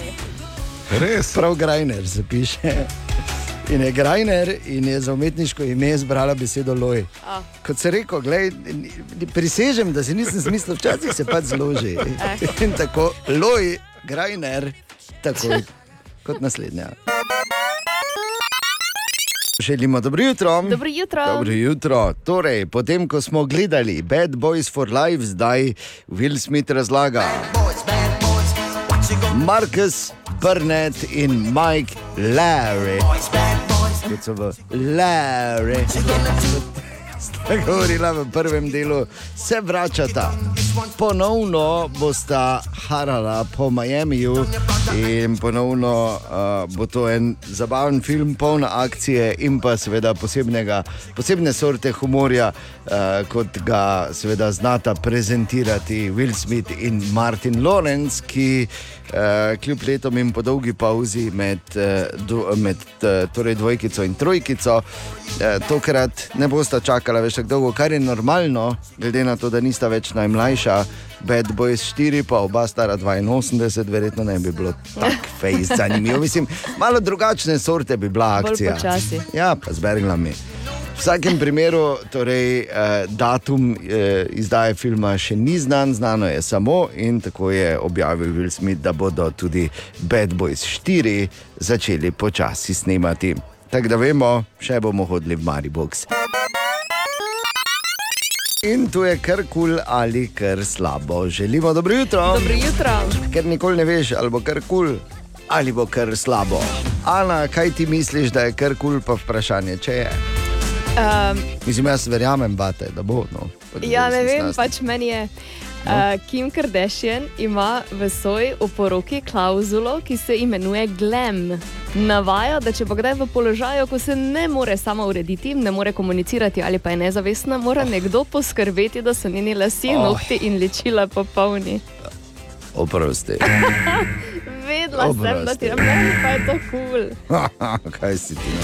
Veš, kaj mi samo ni jasno, zakaj za vraga se sekira? Vse ne bo več, mislim, kaj, kaj? Ja, ona bo Re- večno, Res ne Ja, seveda, da bo. Seveda, da bo. Ja, toliko, koliko ima uh, kemije v laseh, nohtih, uh, usnicah, ličnicah, riti, pečenkah, zizah in posod druge, verjetno, verjetno res. Oziroma, vse njeni deli bodo. Ostali, ja. Jaz moram reči, ker slabo. Ker slabo. Meni pa je vredno. Veš, ko, uh, ko nekateri psi kihajo, Ja, Ne, veš, ko, ali, pa, jaz sem vedno mislil, ok, zdaj ko not pride, uh, pa je ne vem kaj, pa jo jezi, govorim seveda o moji psici, uh, o Oli. In polona kiha, in, in veš, in maha, maha z repom, in kiha. In psi ne kihajo, ker so prehlajeni. To je po, vsaj po veliki večini ne. Dobro. Psi kihajo, zato ker s kihanjem komunicirajo ostalim kolegom in kolegicam, ter seveda ljudem okoli njih, da so v igrivem razpoloženju. daj nehaj. Ja, da ne mislijo resno, da se igrajo. Ne, in tu če zgleda tako, da skačejo in, se, in so energični, uh, da se v bistvu oni samo igrajo. Jo, Ja, pa in da je lepo, ne? Jaz mislim, da je to tako. Ja. Če enkrat dobro jutro. Dobro jutro. Dobro jutro. Ena od glavnih zgodb v Sloveniji sta zagotovo ruska vohuna, uh, ujeta v Ljubljani. Kar vemo je, da sta uh, imela, Argen, oziroma imata argentinski potni list, da sta živela v najeti hiši, da sta se narek, pod narekovaj, te- zdaj delam z prsti, delam zdaj narekovaje, Mhm. ukvarjala z umetninami Seveda. In da sta pogosto hodila k Boru na obiske. In noben ni posumil, da ima tam mogoče za Argentince nekoliko ruski naglas. Ne? Ja. Ker I love art and you, yes, I love Ja, art. ok, too." dobro. Bor, oh. Vredo je, hvala, Bor, smo razumeli, super. s to. Ne, ampak čisto za res. Um, zdaj, ne govorim zdaj, da bi morali veš, se vsi spremeniti v kontraobveščevalce, ampak se človek polkar vpraša, ker pravi vohuni in take speče celice in tako naprej. Uh, živijo v bistvu lahko že celo življenje zraven tebe, pa sploh ne veš. Kako izbrskati te vohune, to je probala uh, ugotoviti, oziroma dobiti informacijo Tanja Klajnščak. Zagotovo to delo ni enostavno. Tehnologija je napredovala, pa noben ni napisal točnega scenarija, tako kot v akcijskem filmu, kako se vse dobro izteče. Za odkrivanje vohunov so sicer zadolžene obveščevalno-varnostne službe oziroma njihovi protiobveščevalni in varnostni oddelki. Vsak zaposleni, ki ima opravka s tajnimi oziroma občutljivimi podatki, mora z njimi tudi skrbno ravnati ter jih varovati. V primeru, da zaznajo sum, da so podatki ali oni sami predmet zaznavanja nepooblaščenih oseb, je to lahko tudi indic, da se nekaj dogaja, da odtekajo podatki. No in takrat je čas, da vključijo pristojne obveščevalno-varnostne službe, ki bodo najprej poskušale ugotoviti, kateri podatki zanimajo vohuna, preko tega pa tudi kdo stoji za njim, katera država oziroma katera obveščevalna služba. Takega vohuna je možno tudi zalagati z resničnimi, a ne pomembnimi ali celo prikrojenimi informacijami, s čimer bi lahko na to poskušali zavesti tujo obveščevalno službo. In kot pravi dekan Fakultete za varnostne vede Andrej Sotlar, je vohuna možno tudi pridobiti k sodelovanju. Aretacija policije in kazenski pregon sta ponavadi zadnje dejanje, ko so izčrpane že vse ostale možnosti, pravi. Kot pomembno dejstvo Sotlar izpostavlja, da moramo vedeti, kaj smo s procesuiranjem vohunov dobili. Res pa je, da nismo vajeni, da bi do tega prihajalo pri nas, v naši majhni Sloveniji.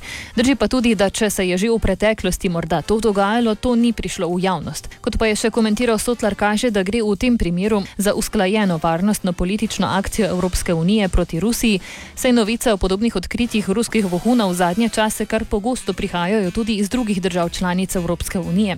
Sotlar meni, da očitno ne gre samo za varnostno zadevo, ampak tudi za politično sporočilo Moskvi v luči dogajanj zadnjega leta. Znan scenarij, morda pa.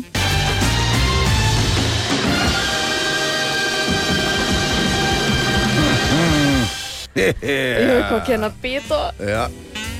Tak je. Hello, do you like Ne, umetnine prodajajo. Rajši. prosim, ti, ti ne bodi. Sploh pa, e, čeprav veš, najboljše se vedno skriješ na odprtem in kot najslabši ja, oponaševalec. Lahko da on v bistvu, kaj veš, kam se Sebe skriva? Ja, kam on uh, uh, potem prevaja oziroma prenaša te Zakaj se informacije. popoldan ne javi na telefon? To je že eden od prvih znakov. Vohun se popoldne ne javlja. Tako. Je pa res, da se, eh, da, da, da se znajo seveda zelo dobro skriti. Edino, kar je, recimo, zdaj, če bi Južni Sudan poslal vohuna v Maribor, recimo, bi se malo teže skril. Ne? Za ostale države pa bi kar nekako šlo. gre, ja. Torej, ah, dva imamo, vprašanje, koliko še jih je. In uh, vprašanje je, koliko imajo neposrednega vpliva na naša življenja. tako da Samo mirno dalje. Ena od treh, treh, treh. Jutranji sprehod po zgodovini popularne glasbe. Danes je 1. februar 1994, torej pred 29 leti se je na ta dan rodil Harry Styles. Samo malo. Harry Styles je niti- 29. Ja, niti 30, če ni. Ne? Ampak po drugi strani, kot je rekel Tine. Harry Styles ima štiri bradavičke. Ne? A, Ja, res res, da ni niti 30, ampak je pa tako. Svojo kariero jasno, da začel v britanskem X-Factorju, kjer je, kjer je nastopil in izpadel, in potem vseeno so rekli, hm, ti si izpadel, pa zdaj je izpadel, pa še. Aha.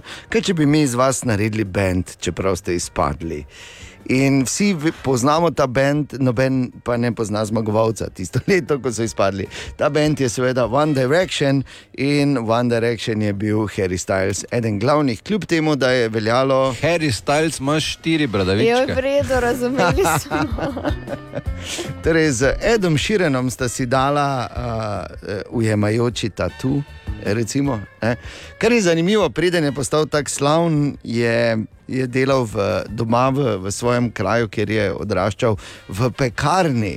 In predstavljaj si, koliko jih lahko danes govori, da so hodili k Harryju Stylesu ali pa hodile po žemljice. Zdaj je mogoče, da mu nosijo žemljice. Ne? Ker ne vem, zdaj. Kljub temu, da velja. Harry Styles ima štiri bradavičke. Ne? In uh, je eden od uh, najpriljubljenejših glasbenikov, sploh ta trenutek izjemen, je pa tudi kot igralec, uh, je vse bolj popularen in uspešen.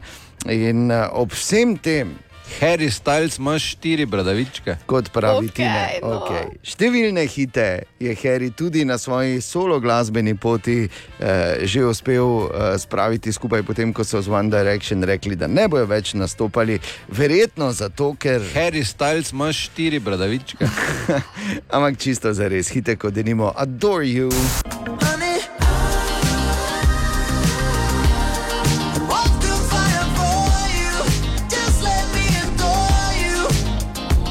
Ali pa recimo Watermelon Sugar.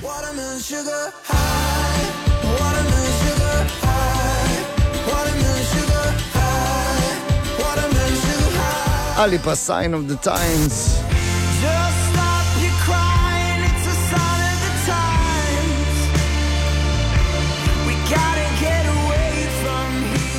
Danes je torej star 29, Harry Styles. Harry Styles ima štiri bradavičke. Hvala, da je vse čas že imam sliko v glavi. Hvala Tine, se jaz ne razlagam tega, to razlaga Tine.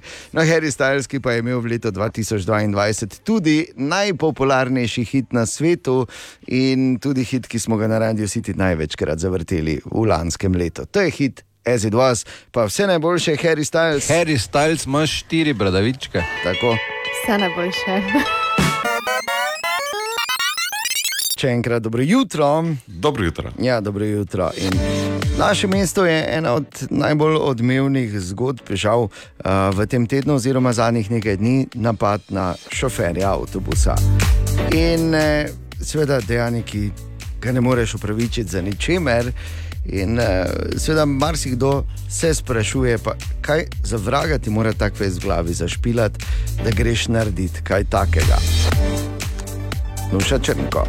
V vseh letih se še ni zgodilo, da bi voznika avtobusa kdo fizično napadel, a ravno temu smo bili priča minulo soboto.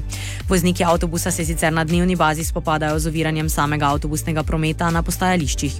Potem, ko je voznik avtobusa v tem primeru potrobil osebnemu avtomobilu v opozorilo, da mora avto umakniti, je ta izstopil iz avtomobila, izpulil obcestni količek in z njim razbil šipo avtobusa na voznikovi strani. obsojamo kakršno koli nasilje. In naši vozniki, ki opravljajo tako pomembno funkcijo, kot je prevoz potnikov v javnem mestnem potniškem prometu, si zaslužijo zagotovo več spoštovanja in tudi dostojanstva. In ta dogodek, kot taki, je prav gotovo kapla preko roba. Zato v bistvu tudi želimo na tem področju narediti korak naprej. Kdorkoli je na tem avtobusu bil, je doživel kar precej neprijetno izkušnjo, ker je vse skupaj delovalo zelo, zelo grozljivo. Tako pravi direktor Marproma Ranko Šmigoc. Voznik avtobusa, ki je pri napadu utrpel lažje poškodbe, je bil oskrbljen v UKC Maribor, trenutno pa je v bolniškem staležu. Naši vozniki so vešči komunikacije in obvladovanja konfliktov, so pogosto deležni raznih verbalnih eh, napadov, groženj, eh, žaljivk, eh, ki so posledica veliko krat ali pa vse v veliki meri neobjektivnih ocen potnikov o tem, na kak način ravnajo, reagirajo. Seveda si pa ne znam predstavljati, da bi se morali počasi učiti samo obrambe ali pa reševati zadeve na vem, način, da bomo jih postavili v neke nepredušne celice. Res je, da gre za osamljen primer fizičnega nasilja, zato je direktor prepričan, da bi morala družba kot celota nekaj narediti na tem področju. Pogovori o koraku naprej v smeri varnosti voznikov že potekajo tudi z mestno občino Maribor, ki je aktivno pristopila k reševanju problema. Uporabniki mestnega potniškega prometa pa se moramo zavedati, da krivda ni vedno na strani šoferjev avtobusov. Absolutno, kajti oni ne postavljajo tam, uh, niso oni postavili avtobusnih postajališč, manj so. Uh, pisali prometne predpise, ki zapovedujejo, da pač ne smeš parkirati na parki postajališču za avtobus, in še manj so krivi za to, da ni dovolj park placov za to, karkoli že počne kdorkoli v bližini avtobusne postaje.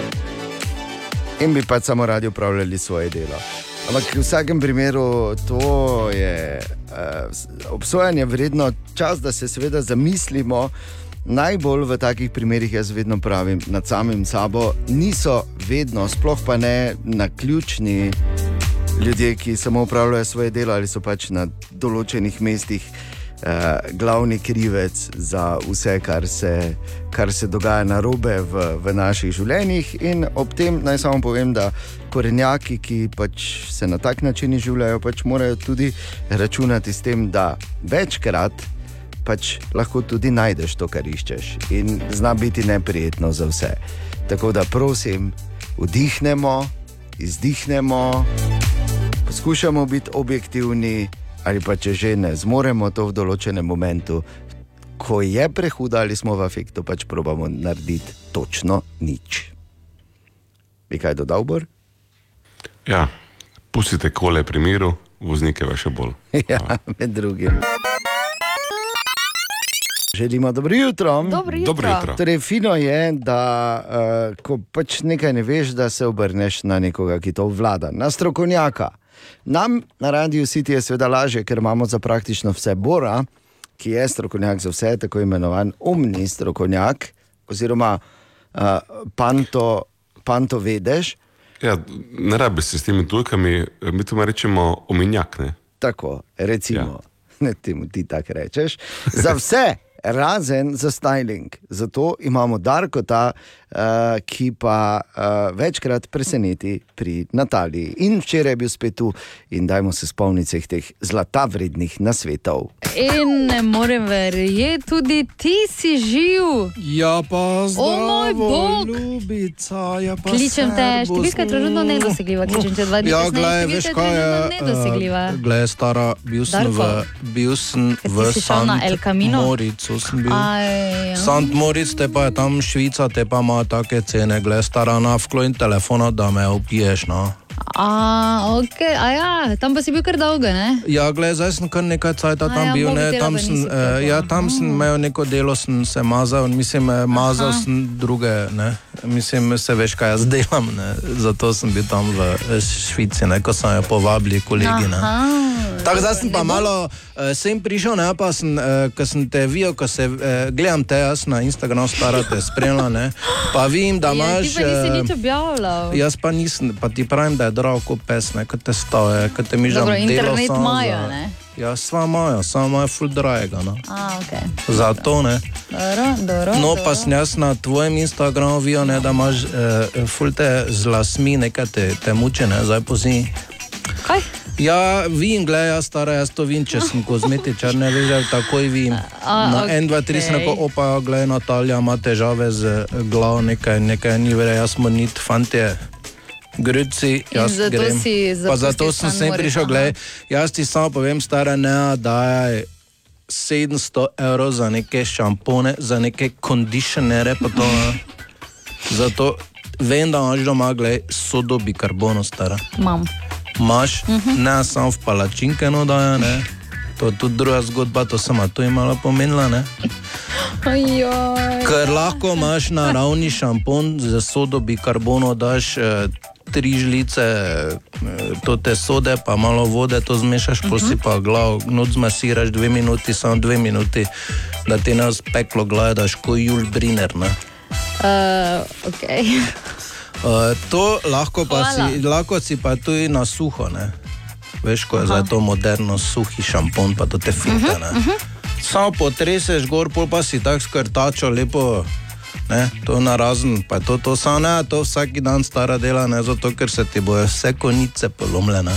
Kaj bolj pa me ne, klicaj, Darko, pomagaj mi, imam konice zlomljene, gled, stara polje prepozno. No. Enkrat na mesec je čist vrejeno. Če boš pa šla k keremu frizeru, pa ne opravi, ne pa te podpreč temno po farbo, stara to pa tako vemo, da ti ena pa še temna farba. No? Pol pa tudi lahko vzameš eh, so bikarbono, pa zmešaš s šamponom proti prhljaju, to je oni, ko ima pH malo višji. No? Pol pa si to lepo tako dol, pa te bo spucalo, pa boš imela svojo barvo. Ja, Rdečo, kako že imaš. No? točno tako. Mislim, hvala, Darko. Ja, Eh, prosim, gledaj, to sem, eh, rekel sem, moram priti, ne, zato ker te nam on gledati več tako. No. Jo, vedno se name spravljaš. Pa Ja, nas je toliko kape, Lepo- gorda je, ker imaš lepo glavo. No. Lepo te je bilo videti. Ja, te je tu, Em, ljubica. Pridi še čim prej nazaj. Ne? Ja, zdaj pa grem na tortico. Pozdravi svoje prijatelje. Ja, na si kape, gorda, ker ker imaš lepo glavo. glavo. Tako da veš, Bor, to je Natalija. To si si zapomnila, kaj pa najbolj, zdaj pa grem na tortico. Seveda, da si si. Darko lahko preseneti, kozmetičar Darko, vsake toliko pri Nataliji med deseto in drugo, Natalija in Tine, ne zamudi. Aha, aha, aha, aha, aha, aha, aha efekt. In v aha efektu Bor danes odgovarja na vprašanje Tonija, koliko je ura na Luni, Bor. To ni problem, imamo. Ja. Zato, ker Luna ima približno 15 zemeljskih dni sončeve svetlobe, pa potem 15, oziroma natančneje 14,77 dni noči. Tako da en lunarni dan traja okoli 29,5 dneva na Zemlji, kar je približno en zemeljski mesec. Ja. In se ti lahko potem to deliš, ne, seveda v 30 lunarnih ciklov, da dobiš 24 uh, uh, uro iz tega, potem moraš definirati sekundo na Luni, ki bi bila po- tej matematiki nič celih 9 sekunde, kot je pri nas. Aha. Ja. Tako da, počasi bi nekam prišli, ne? zdaj s to matematiko, ampak praktična uporaba tega ne, je pa taka, da ali se mi zmenimo, ne, po kateri zemeljski uri se ravnamo, ali pa gremo tako v uh, Star Treku, ker ne. V Star Wars niso imeli univerzalne ure. Zato so bili boljši, bili boljši. Ja, ampak pri Star Treku pa je bil Universal Space Time, mm. ki se več potem ravnamo. Ker seveda, eh, ko jaz rečem zdaj, pa mine 20 minut, če ne, noben ne potuje pri hudi hitrosti ali pa mm, ker to zakomplicira stvar, je za oba dva minila 20 minut, samo koliko je pa ura, ne? To se pa ni lahko zmeniti, razen če postavimo pač en univerzalni standard. Mm. Tako kot je Universal Time Code na Zemlji, bi lahko bil Universal Space Time Code oziroma USTC. Tine, Dobro, eh, zdravo. Dobro jutro. Uh, Zakompliciral si bor, ne? Ja, sem rekel. Ker bi rekel 5 do 8 ura, pa je to to. Ne? Ali tudi vi pogosto totavate v temi? Aha efekt, da boste vedeli več. Torej, dobro jutro. Dobro jutro.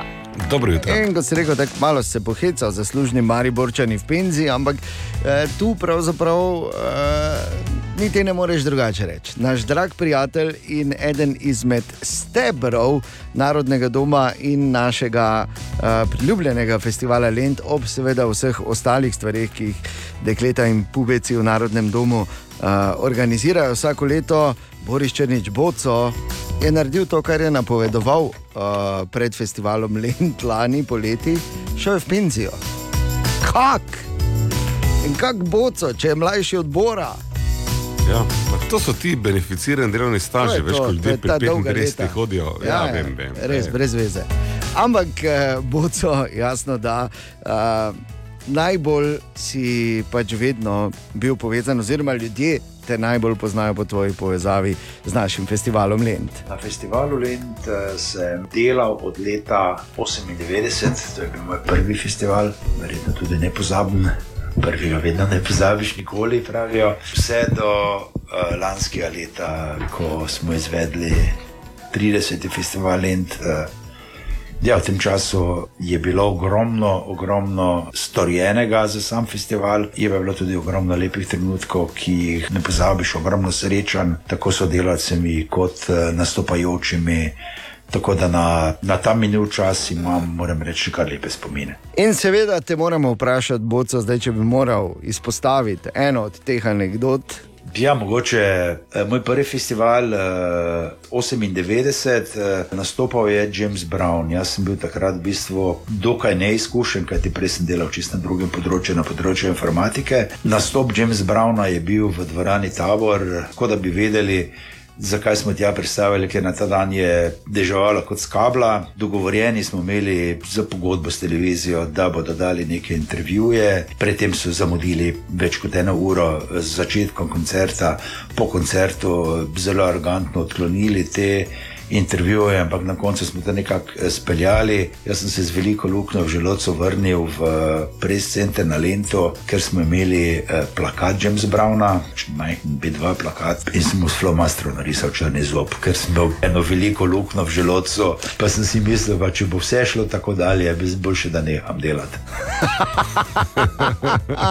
In to na prvem, Joj, ko se ko moraš najbolj izkazati. Ampak, če bi eh, rekel, kdo od teh znanih, ogromno jih je bilo, ogromno si jih spoznal v svoji karieri, eh, Boca pa je ostal najbolj spominu. Ha? Ja, v tem času, ko sem delal v službi za stike z javnostmi, sem imel ogromno kontaktov z nastopajočimi, tudi z velikimi zvezdami, s katerimi smo pač delali ali novinarsko konference ali poskrbeli za stike z novinarji. Ne vem, mogoče meni najbolj v spominu uh, ostalo sodelovanje, s katerim še sodelujemo in tudi že večkrat je na Lente nastopal z Istok Mlakarjem, katerih koncertov sem mislim, da naredil v Narenem domu okrog 40 in upam, da se dogovarjamo se, da bomo naredili še kakšnega. Z Istokom res imamo neki taki prijateljski odnos in mislim, da ga bomo tudi nadaljevali. In danes zjutraj, potem ko je šel nekoliko nepričakovano, ker so pač leta minila v penzijo naš dragi prijatelj in eden od stebrov Narodnega doma Boris Črnič Boco, vseh eh, prireditev, ki so jih eh, v vseh teh eh, več kot 30 letih tam organizirali, dekleta in fantje, se seveda danes zjutraj malo pogovarjamo.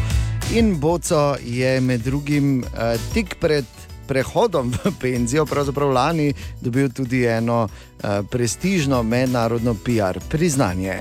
Nagrada Združenja ProPR dobiti bi moral že prej, ni bilo mišljeno, če za konec pač je zaradi korone izpadlo tako, da sem bil pač pred samo upokojitvijo. Na začetku sem pač mislil, da sem dobil pač neko nagrado, ki jo pač daje pač nekomu, ki dolgo z nekom dela. Ko sem pa potem pogledal, v kakšnem krogu nagrajencev sem se znašel, pa sem bil na nagrado zelo ponosen. Ne vem, to so bili nagrajenci ne samo iz Slovenije, mislim, da so bili tri ali štiri iz Slovenije, drugače pa iz celega sveta, tako da mi je, ja, zagotovo mi pomeni, mi je pomenila veliko.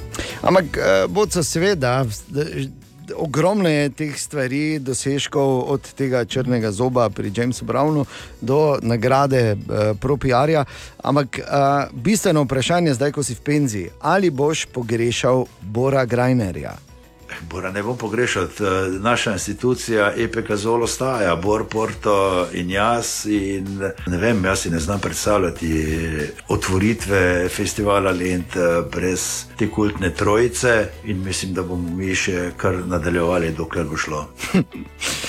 ja, dva od treh sta že v penziji, ne? Ja, pa nič hudega, ne? ampak izjemno mi je, ko lahko o sebi govorimo v tretji osebi in se označimo za kultno trojico. Pač, ja. Problem je, ko Ano, se sam. Drobček, Problem je, ko se sam za kultno označuješ, kot te ne označujejo drugi. Ampak dobro, ja, to je priložnost za druge. Včasih moš pač sam ne povesti, kolo, veš kak je. Ja, verjetno je. Boco, torej, kaj pa zdaj v penziji? Pokojil sem, kot bi rekli, tri petke.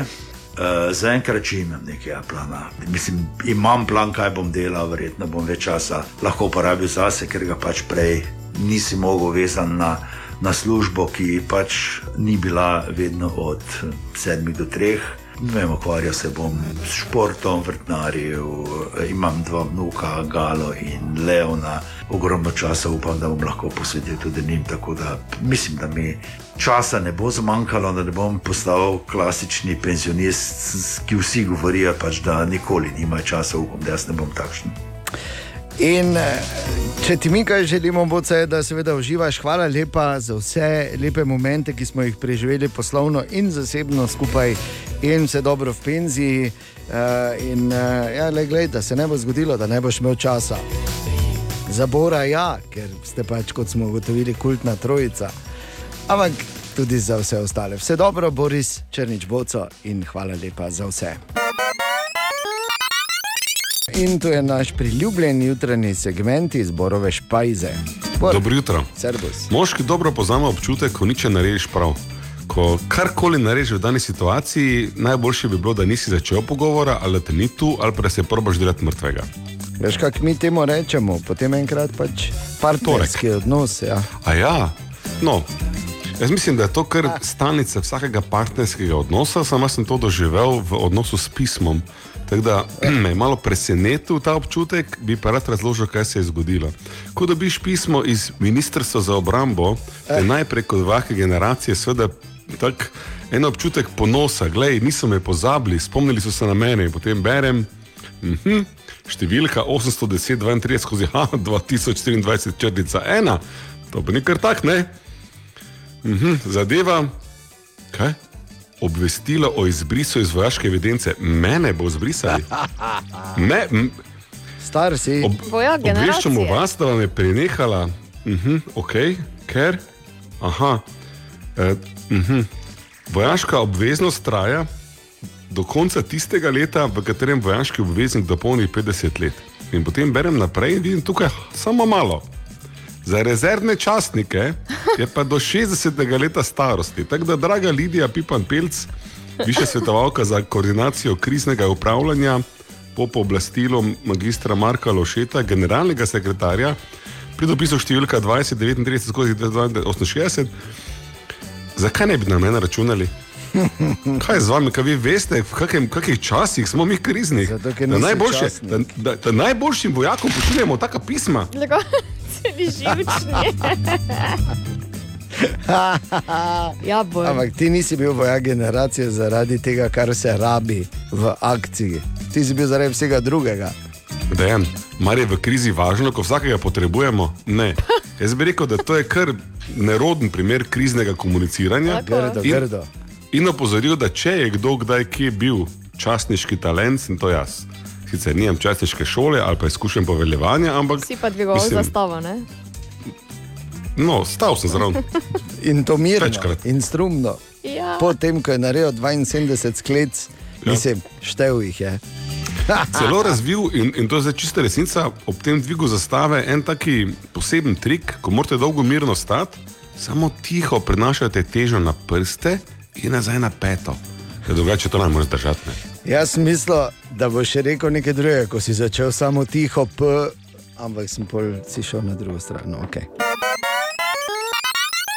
Želimo dobro jutro. Dobro jutro. In ko tako začenjaš nov dan, morda uh, en razmislek, veš, ker vedno ne gre vse po načrtih, redko sicer, ampak se zgodi.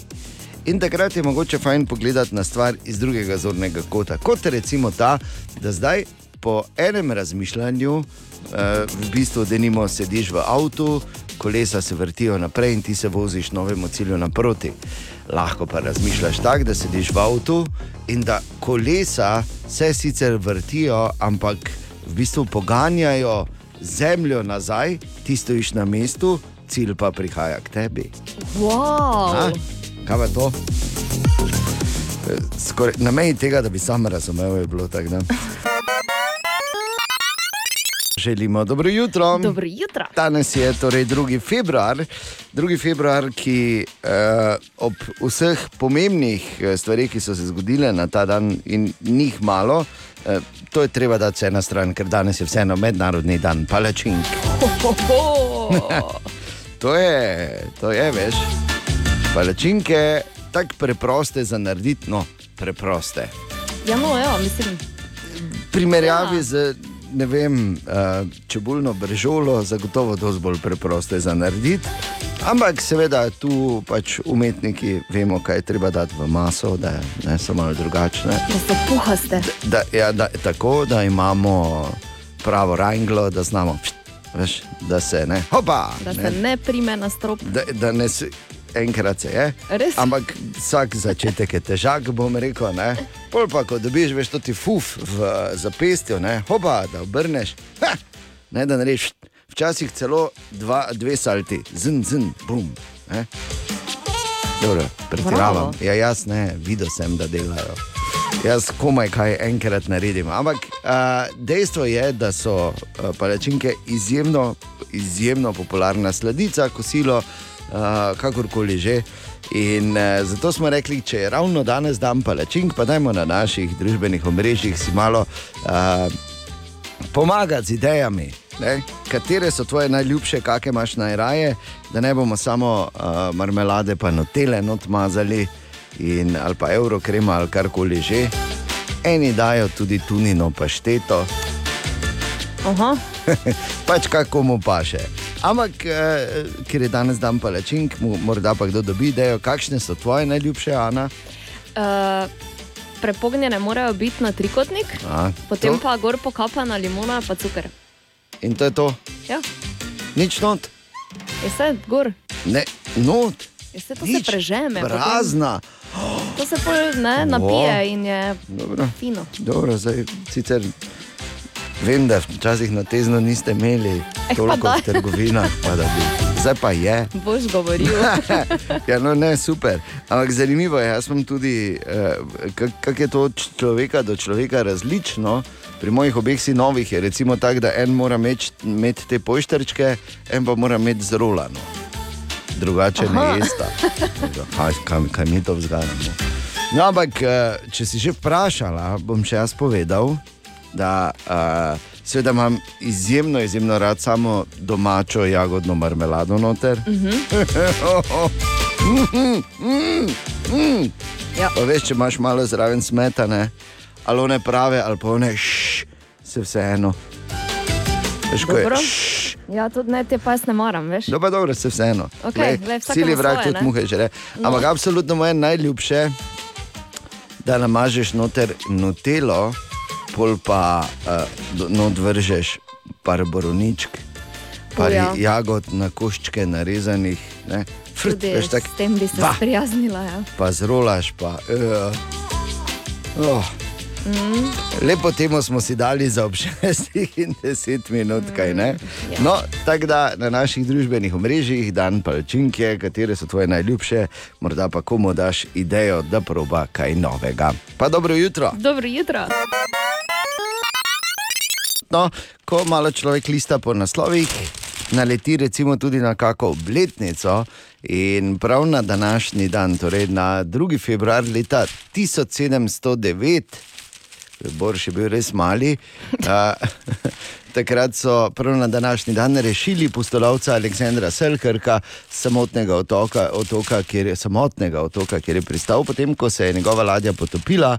In, eh, Samo po sebi ne bi bilo tako spektakularno, po nje, če, če ne bi potem prav po njegovi zgodbi eh, Defoe napisal Robinsona Crusoja.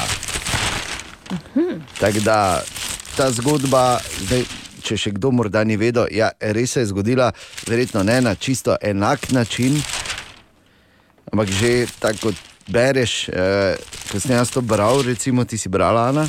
Ja, Spomniš? Ne, samo dolgo nazaj. Ne? zelo dolgo nazaj. Ja, sem jaz to bral, si tudi mislil, je bela cesta, kako sreča imel ta. Ne? Najprej tam pa se zgodi, pa brodolom, pa otok, pol pa petek, ja. Ja. da bi bila vsaj sreda. Razumeš? Pa daj no.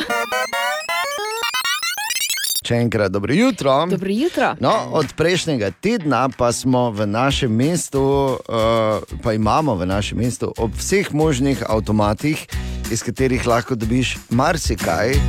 Samo zdrave pameti še ne moreš natočiti. Ne, da bi Počakaj še malo. Zjutraj 0-3, mogoče ne bi škodilo. Uh, ampak imamo tudi in sicer v supernovi medomat.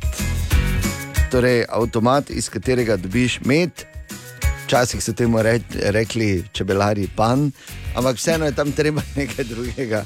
Ne, treba imeti točiti, pa paziti, pa ne biti alergičen na čebele, pa vse, kar so zraven, tu pa samo hop, pa, pa ven dobiš.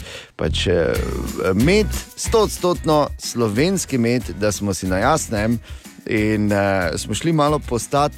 K temu, uh, k temu medomatu, pa malo poprašati ljudi, ki so hodili mimo ali pa morda kupovali. V redu je ideja to. Primerno je temu, ja, mi je všeč. Ja. Jaz mislim, da je, ne? samo moramo jo opaziti. Drugače pa je super, sem že zadnjič opazila. Ja? Samo rad bi pa primerjal cene, ne, da vidim, kakšne so tukaj, kakšne so trgovine. Če ni to dražje, od gore od, od eh, špara. Domače je zdravo. Manj zaposlite, Jaz bolj težko, ker ne verjamem v to, ker stalno nekaj pokvarjeno, pa takšne stvari, zelo dosti napake v njej tudi, ali pa ljudje naredijo, da ne funkcionira ali ne dela to, tako bi trebalo.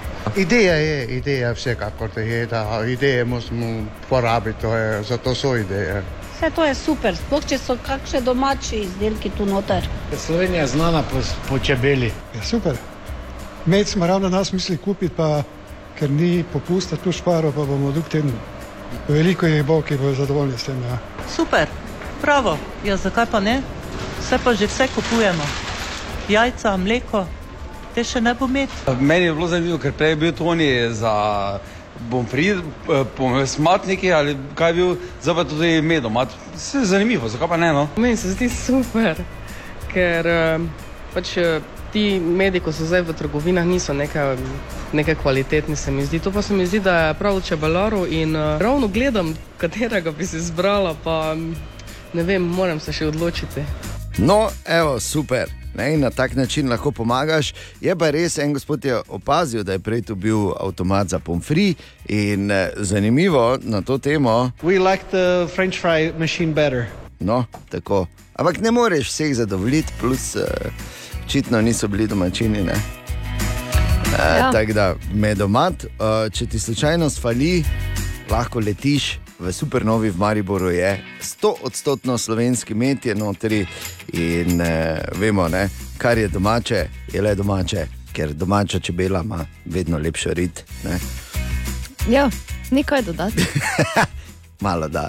Eh, Ob 6 in 24 minut. Pač ena nova informacija, če pa si že eh, pri medomatu, kdaj kaj vzela ali vzel, pa super.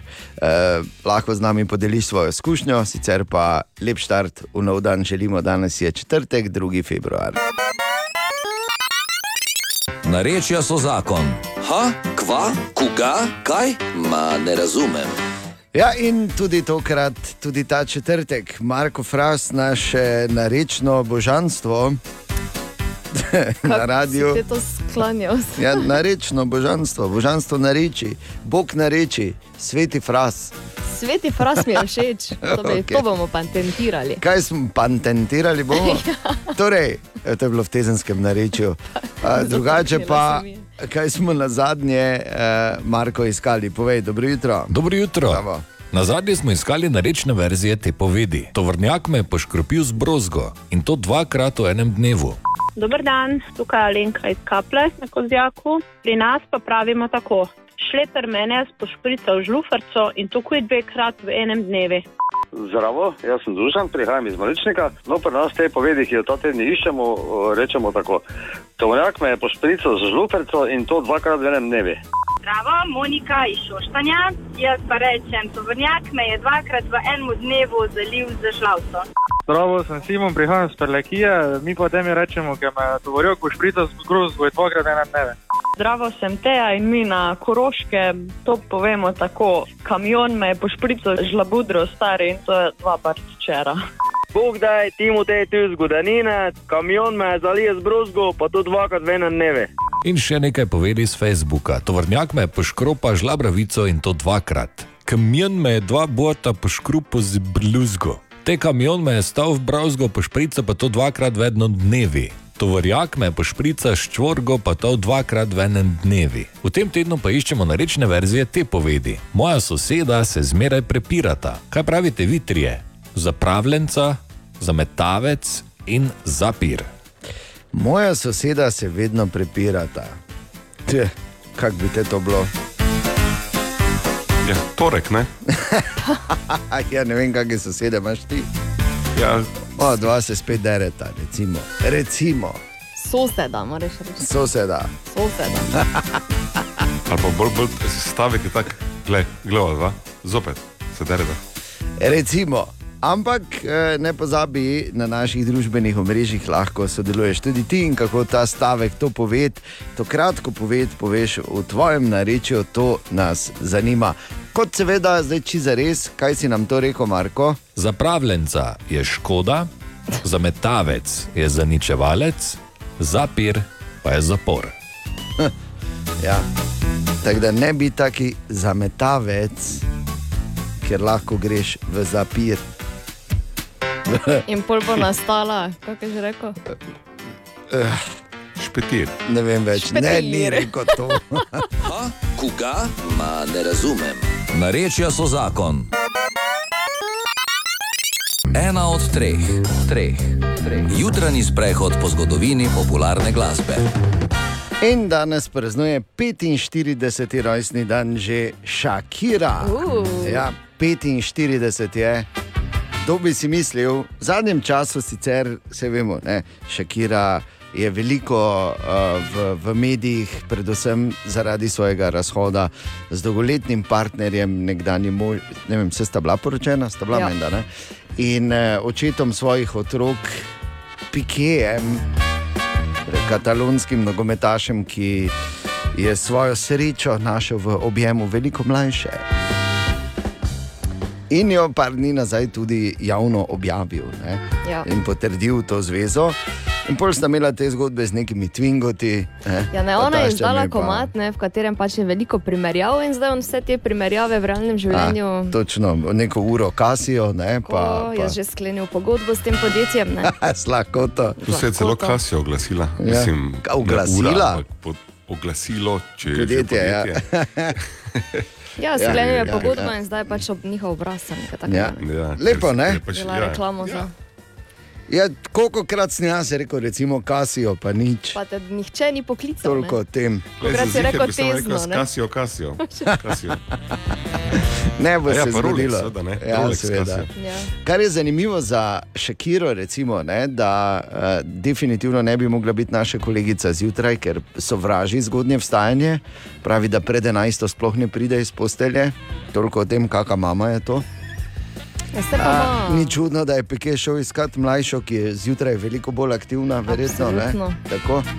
A, in zase govori, da ima da izredno dobro vonja, oziroma da izredno dobro voha. In da Res? naj bi ja, ljudi je prepoznavala po vonju. Se pravi, da nekatere prepozna že na večjo razdaljo kot druge. Ne? Zna biti, ja. Drugače pa jasno, Šakira in ta njen. To je bil whenever, Ja. whenever, ne?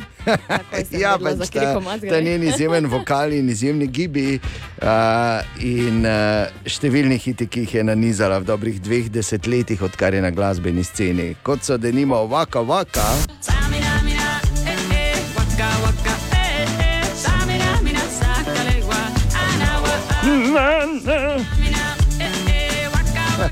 Zaradi te pesmi uh, je to je tako dolgo razlagala, ko ste bila s Pikem srečna še, uh, kako je ta spremenila življenje, ker je zaradi te pesmi, ki je bila uradna, seveda za svetovno prvenstvo v nogometu v Južnoafriški republiki, mm, da je spoznala Pikeja ravno zaradi te pesmi in pol Je rekla takrat. je rekla takrat.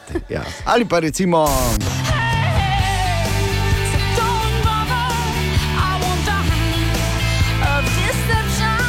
Ali pa morda, naprimer,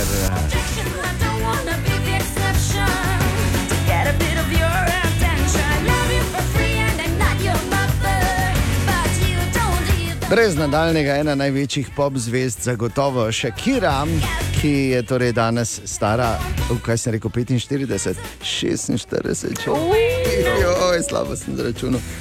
Op, Shakira, pardon, smo tako stari. Pa da, stari, smo stari. daj bor, uh, bor, Okej, zdaj pa okej. zboki malo. Dogle. Samo ne, Mama. Dela. prosim, ne, bor, ne dela umetnik koliko enako, kot je delo tvoj naravni.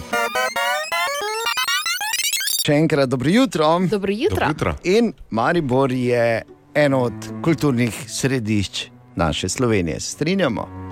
Ja. Tako, najbolj zaradi nas. Ampak so tudi ostali.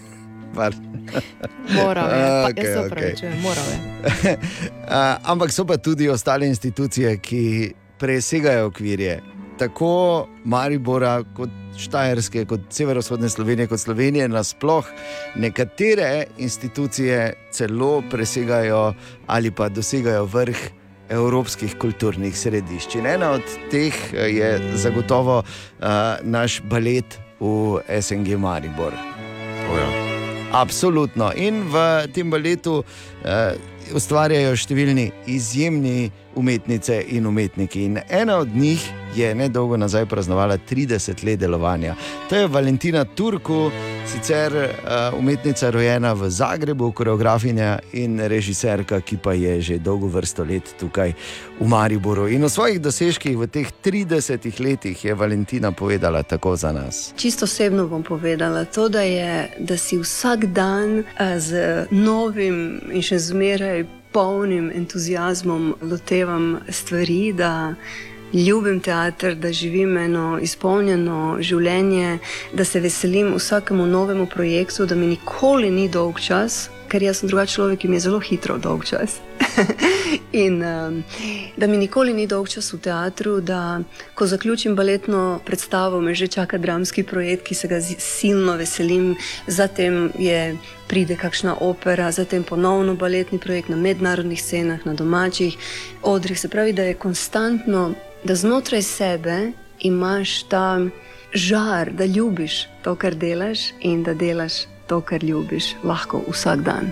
Odprta sem za inovacije, za spremembe in tudi pri vseh mojih dosedanjih celovečernih velikih baletnih predstavah, kot so Rome in Julija, s katero smo začeli v Mariborskem baletu graditi, tako rekoč eno od evropskih prestolnic baletnih. Zatem Evgenij Njegin, Smrt v Benetkah, Nevarna razmerja, Carmen in uh, ne nazadnje Madame Bovary. To so vsi projekti, ki so mene osebno terjali naprej in do nekih neslutenih meja. In uh, ko se nazaj ozrem, se mi tudi to zdi fenomenalno, da lahko vsak predstavo doživljam kot nekaj popolnoma novega, in tudi pri vsakem naslednjem projektu se zmeraj sprašujem, ali bom zmogla, ali bomo šli še enkrat od začetka in ali bo to. a, Možno uprizoriti, recimo, to literarno delo ali ta glasbeni koncept, kakorkoli ob tem genialnem mariborskem baletnem ansamblu, mojim sopotnikom in soustvarjalcem je to do sedaj vse bilo mogoče. Odlično. Genialnemu, ne, mariborskemu baletu. Mislim, ti ste pač dodala, genialnemu vemo, da je bilo namenjeno našemu mestu v celoti. Ampak Valentina je res izjemna, izjemna umetnica. Čestitke ob 30 letih, 30. obletnici delovanja in eh, še veliko fenomenalnih eh, stvaritev na odrih, tako na Mariborskem, kot na evropskih in svetovnih odrih. Želimo, ponosni smo, da imamo tako umetnico v našem mestu.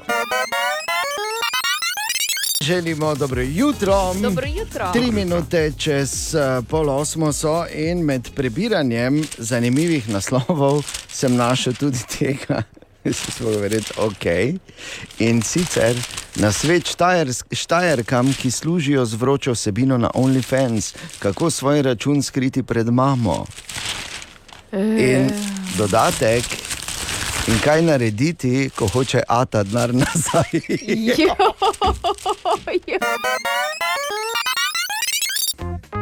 O, Tine! Ja, Tine, dobro jutro. Ja, servus. Zdravo, zdravo. Zdravo. Dobro jutro, Tine, Tine. ne samo moram povedati, ne samo, da je človek, ki ima izjemen čut za sočloveka in izjemen smisel za humor in vse ostale sposobnosti, tudi človek, ki ne samo da ima številne zanimivosti, ena od njih bo delil z nami danes, ampak tudi ful zanimivih videoposnetkov, ki jih kaže okoli, tako da bi se ti zahvalil, ker bo. Povsem se mi je zdelo, da sem danes rabo točno to. No. Tako da, hvala ti. No, ja. prosim. To se govorim zato, ker verjetno imaš kakega prijatelja, ki ti v službi kaže, ampak upam, da je vsaj približno tako kreativen kot ti, ne, ker to zna biti samo žalostno. Ne? Jaz nimam. Ne. Nimaš prijatelja, ki ti v službi kaže.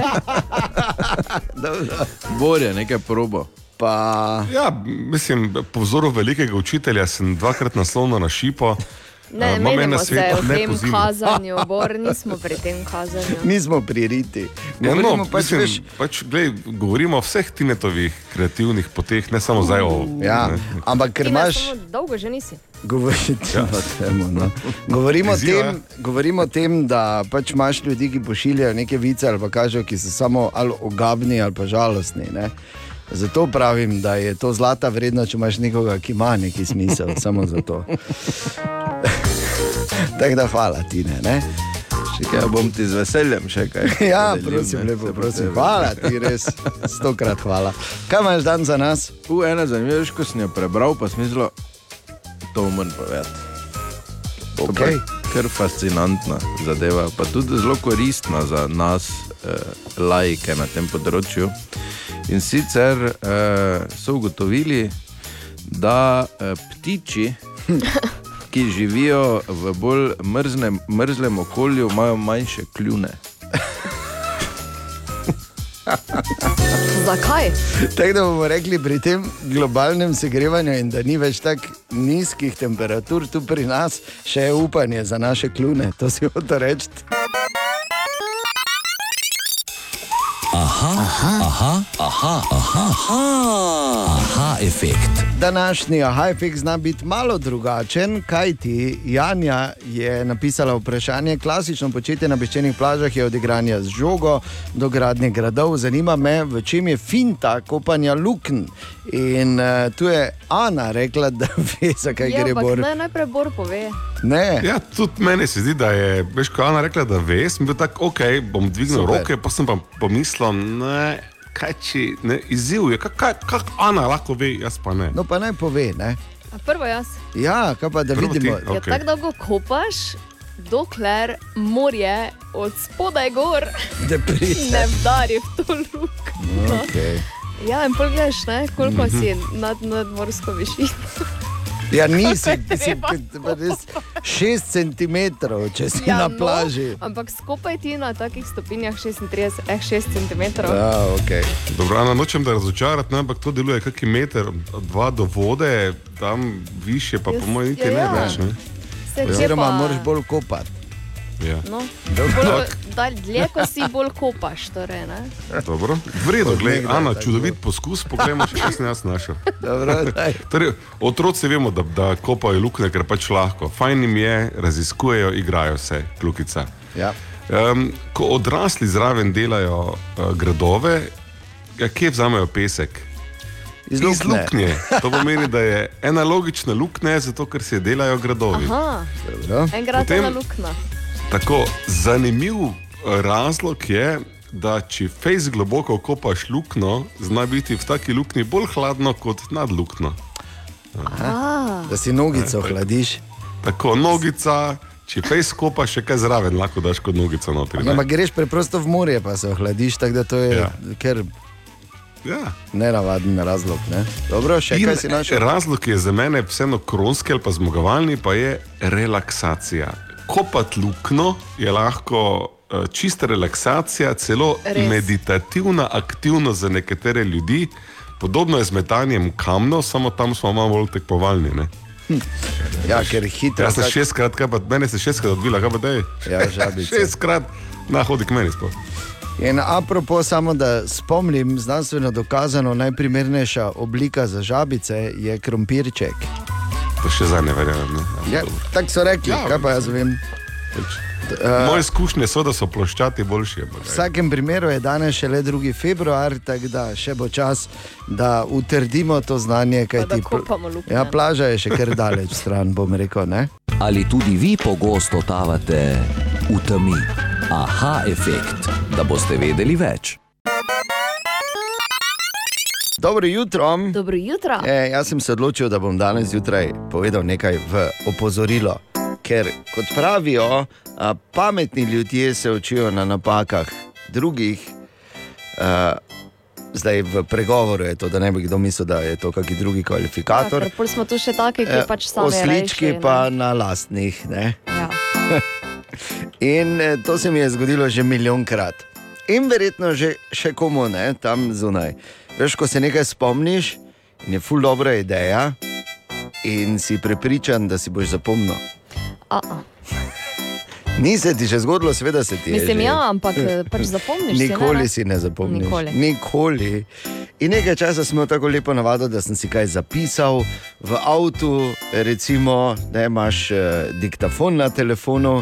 Zdaj, če imaš relativno uh, nov telefon, imaš običajno tudi uh, tega asistenta ali asistentko, tako da niti ne rabiš. Uh, tipkati ali pa kaj bog ne daj, ne, da bi, ampak samo rečeš, zapomni si pa pač poveš. Um, in tako sem jaz imel nedolgo nazaj eno deba prav debato sam s sabo, ko sem se vozil in sem se nekaj spomnil in se mi je zdelo ful dobro in si rekel, to si boš dejan, to, to se je dogajalo v moji glavi, mimo grede, bil sem povsem sam v avtu, pač ja. Uh, čudak, ampak dobro, samo da veš. In uh, sem si rekel, da je to si už ziger zapomnil, da je tako dobra, tako dobra ideja, to si boš ziger zapomnil. Naslednji sekundi sem si rekel, tele, ne boš si zapomnil, zakaj to delaš, zakaj to delaš. In pol spet tako je šla ta debata, sve se je zapomnil, pa kaj si nor, sve pa te, pa kaj, valjda, glej, u, drevo. To bo moj uh, miselni orientir, ko bom pomislil na to drevo, se bom spomnil, uh, je bila, kakšna je bila ta ideja. Na drugi strani, gledaj, ne boš si. Stokrat se ti je že zgodilo, poslušaj me, naredi notico, ne nas si samo zapomni, ker boš pozabil. In tako sem se, eh, recimo, enih 15 minut sam sabo kregal. In pol sem že sam sebi verjel, da ker sem se toliko sam sabo kregal, da si bom ziger zapomnil. Zapomnil, ja. In seveda si nisem. Dejansko si po, po vsem tem, Po vsem tem nisi. sem pozabil, vedel sem še kak dan, dva, ampak ko bi se pa moral na to spomniti, kakih osem dni kasneje, pa seveda nisem vedel več. Ne? Tako da, uh, prosim, če je kakšna dobra ideja ali pa karkoli, kar moraš narediti kasneje, ali vzeti sabo, ali nekaj, kar naredi si opomnik. Še enkrat niso zaston, že stari dedje rekli, da pametni pišejo, oslički pa pomnijo. Tako da, in a in dobro jutro. In želimo dobro jutro. Dobro jutro. Jutro. In nočem zdaj biti taki razlaga, ampak eh, oziroma pove kruto resnico, ampak počitnice so praktično pri koncu. Zakaj moraš? Ja, pač 3. februar je, petek je. Ampak bile so, bile so super, bilo je super vreme, super sneg, vse je štimalo. Na Mariborskem pohorju je bila velika gneča in uh, ta gneča se bo verjetno nadaljevala tudi v prihodnjem tednu, kajti uh, zagotovo bo prišel še kdo smučati iz drugega dela Slovenije, torej zahodnega dela, kjer se počitnice začnejo za šolarke in šolarje v ponedeljek. In uh, zato je pod pohorje malo šla preveriti, kako so kaj zadovoljni me ti, ki so uh, bili recimo včeraj tam in ki so bili tam čez počitnice več dni, Tanja. Z mikrofonom smo tako šli med smučarje, ki so čakali na gondolo pri pohorski uspenjači, da nam povedo, kakšne so proge na pohorju, kako so zadovoljni s ponudbo, pa tudi s cenami. Pač vrej lahko je bilo boljše, samo ne vem, zakaj imamo topeno pohorje, če sploh nas ne živijo. Cene so pač relativno visoke, glede na ostala slovenska smočišča, samo ponudba pa se mi zdi dobra. Srečo imamo, da je sneg, proge so odlično pripravljene. Odlično, tako perzijski tepih je gori. No. Jaz sem zadovoljen. Sem že 15, že grem danes gor, tako da dobro z ozirom na pogoje. Kar. Predvsem dobro, glede na to, kakšne razmere so bile v prejšnjih tednih. Škoda je samo, da ni čopka odprta ali pa stadion, da bi lahko z otroci smučali v dolino. Odlično, super, mi že cel teden smučamo. Lahko bi bilo lepše, je pa dobro. Pa partizanka so čudovite, to pa pisker, ta stran je bolj slabo steptana. Za te razmere je zelo dobro. Proti koncu ne več tako, zato ker um, so kuperli. V zadnjih dneh smo že večkrat poročali o gneči na Arehu, na smučiščih se sicer ta gneča razporedi, težava je bila s parkiranjem. Veliko število ljudi se je na pohorje namreč odpeljalo z avtomobilom, kapacitete pa niso zdržale tolikšnega števila. Veljalo je pravilo rana ura, zlata ura. Če se spomnimo pred leti, koliko je bilo teh, ki so s polno smučarsko opremo šli na mestni avtobus do uspenjača in na to tudi na pohorju uporabljali povezave ali smučarske avtobuse. Kakšna pa je situacija danes, tudi to smo preverili. Avto je dosti, pač ja, avtobus je zdaj po mojem kar verje opcija. Z Mariborovim avtobusom, tako da to pa je en veliki plus Maribora. Problem je v tem, da moram potem v službo, danes bom sam za pol dneva in zato mi je avto v tem trenutku bolj ugoden. Dobro ste predlagali, avtobus je potem najbolj zanesljiva varianta, glede na to, da kar frekventno vozijo. Jaz koristim avtobus za Areh, iz Penjače do Areha, ker eh, zdaj vozijo trije in sploh ni problem. Problem je eh, dostop do Areha za avtobus, ker je vse zaparkirano. Pol pa tam čakaš srečo, da povezava dela, da gremo pol po povezave domov, če ni avtobusa. Ne? Nekaj z večjim avtobusom, nekaj s svojim avtom. Ravno zjutraj smo se o tem pogovarjali, ampak vzamemo avto, ker imamo sezonsko karto. Mi dva imamo doma pred hišo avtobus, tu pred hišo. Kaj če biti lepšega? Tu pa parkirnega prostora ne dobiš. Eden izmed smočarjev je predlagal, da bi lahko za tiste, ki sicer avtobusa s številko 6 ne morejo uporabiti takoj in je potrebno prestopiti, razmislili o smočarskem avtobusu. Zakaj pa ne? Je pa vse odvisno od vremena, kako dolgo bomo lahko še smočali, pustimo se presenetiti. No, tako. To si bil Tibor, ki si predlagal, ne? Ja, Take dobre smučarski ideje. Ja, pa če pa vse najboljše ideje so vedno odbora, Ana, pa kak če... Mislim, Ana, sediš nico? Kako Sem lahko podvomila. Res, katastrofa. Ne morem verjeti, no. Ena od treh, treh, treh. Jutranji sprehod po zgodovini popularne glasbe. In tako je čas, da uh, se v naši mali šoli popularne glasbe poklonimo ali pa da čestitamo še enemu izvrstnemu kadru, ki ga je, dala, uh, ki ga je dalo leto 1975, leto, ki bo šlo v anale kot uh, leto, na katerega so se rodili sami asi in asice. Ne? Bolj kot ne. Vidim, nobenega ugovora ni, torej. Ne, ker- Ne, zaenkrat. Tako da, eh, kolege, nadaljujte. No, in eh, na, eh, torej, na ta dan se je leta 1975 rodila avstralska igralka in pe, pevka Neteli Imbrulja. In A, ustavite se. Lepo, Bravo, ne? Neteli. Nadaljujte. simpatična, res. Zelo. vrhunska in zelo fotogenična, tako kot praktično vsi rojeni leta 1975. Absolutno. Ne bi na očitno kazali, ampak eh, seveda. Malo je padlo od 72, tam dobro. Verjetno. Uh, torej, Neteli, ki je kot praktično vse igralke in igralci svojo kariero v Avstraliji začela v seriji Neighbors, kjer so pač vsi igrali, očitno. Ne? Serija, ki je trajala neverjetno dolgo in zdaj.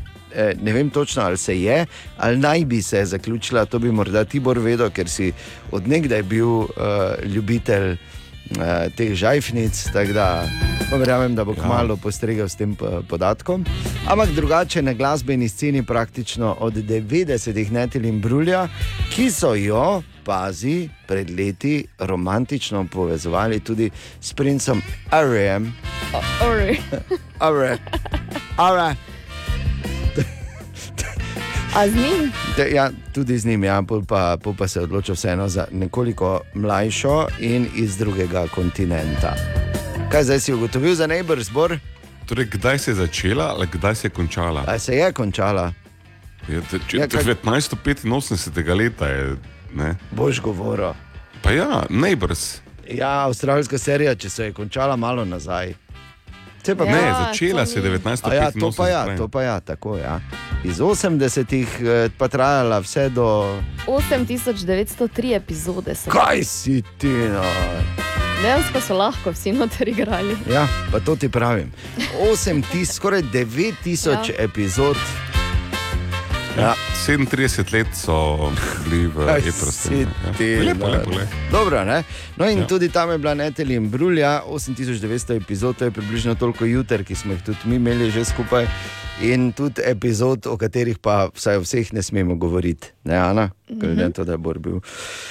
Vsake No. dni glavna zvezda. Torej, Netel in Brulja pa na glasbeni sceni torej že 30 let, številne hite je imela, sploh v 90-ih, pa tudi še kako desetletje kasneje. Hite kot so Glorious.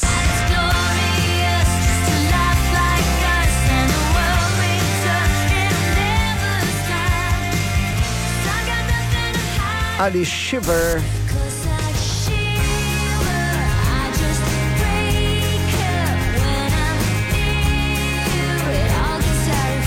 Wrong impression tudi.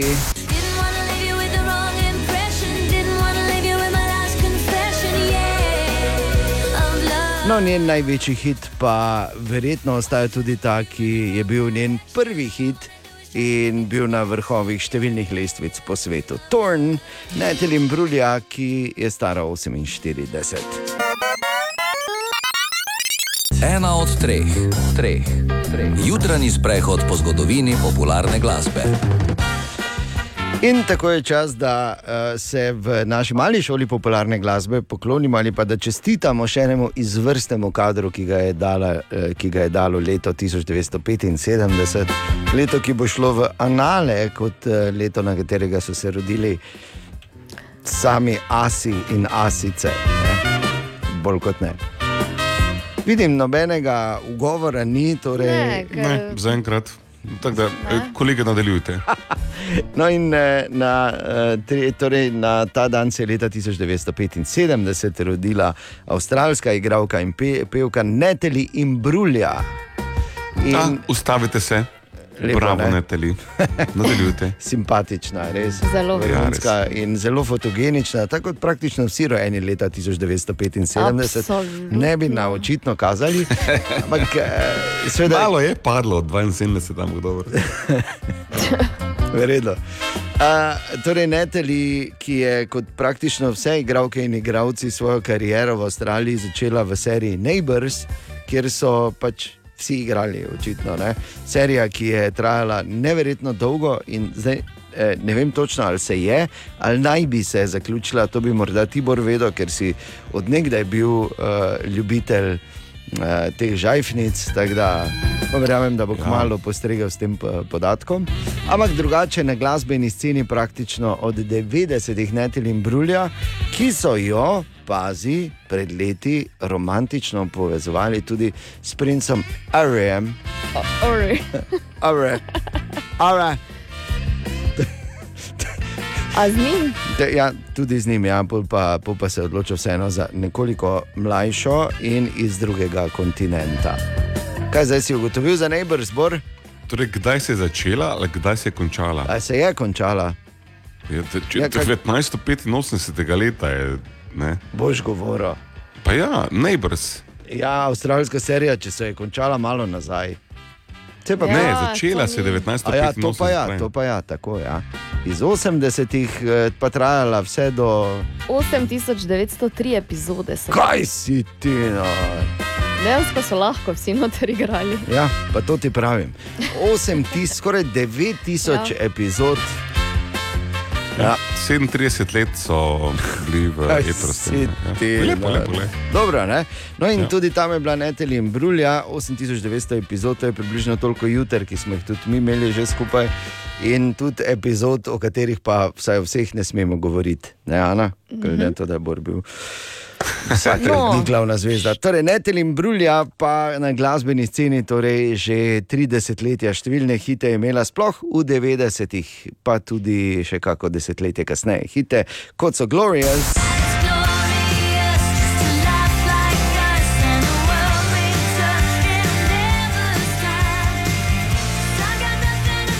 Ali Shiver.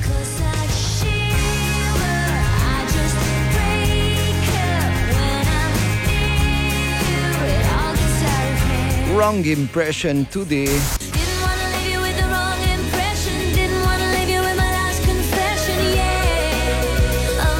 No, njen največji hit pa verjetno ostaja tudi ta, ki je bil njen prvi hit in bil na vrhovih številnih lestvic po svetu. Torn, Netelin Brulja, ki je stara 48. 4 minute pred 7 ura, želimo dobro jutro. Dobro jutro. Ana Borindejen, želimo dobro jutro. Dobro jutro. Dobro jutro. Kak je sta perajt? Skoraj nemogoče vprašanje, se približuje. Uh, Le še 3 minute in pol. Zdaj rekel, da je petek, čak malo. Ja, seveda je Petek petek. je danes. Kaj pa misliš? Toliko o tem, gospod, gospod Rupar, kak je bilo na, vzho na shodu? Lepo, lepo, da ste povedali, da ste je še tu in Mislim, živi. glej, da dajem še dva koraka, še tri ovinki in dva torka, pa bomo mi dva s transparentom. ja, eh, to Jole, lahko jaz komaj čakam, da vaju vidim. Da bi se naj rešila. smo mi? ne? Ne, Je. ah, kje. Ja. Pa sem omenila, se spomniš, Bor, ko si bil tako tele. Pa veš, tako ko smo se. Je vam jaz samo tako rekel. si rekel? "Kaj? Ne spomnim se, si bil pa ti veliko tele. Ja, pa to ti pravi. Ja. Takrat bi morala, veš, kaj vse bi danes imela, če bi. Pa nismo znala krast, kakšna butla. Ostala v Mariboru, kakšna butla smo bila. Tako se bo, ojoj. Tako bo, približno ja. tako. Ja. 100%. Noben ne bo hotel protestirati z nami. Samo bomo. Dobro jutro. Dobro jutro. Dobro jutro. Vsak petek. Velika tortura za Ano in Bora, oziroma skoraj nemogoče vprašanje. Tudi tokrat vprašanje prihaja iz ene statistike iz Evropske unije in se na nek način tiče tudi nas.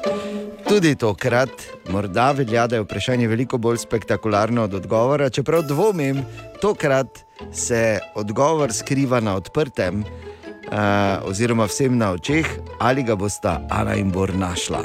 To je Ne, to je bilo najslabše. Ker nič ni logično in ok, kreni, kreni. Okay. 95 odstotkov vseh žensk, ki so sodelovali v tej raziskavi v Evropski uniji, je reklo, da je najbolj privlačna stvar, ki jo lahko naredi moški, ta. 95 odstotkov, to pomeni skoraj vse, 9,5 od 10.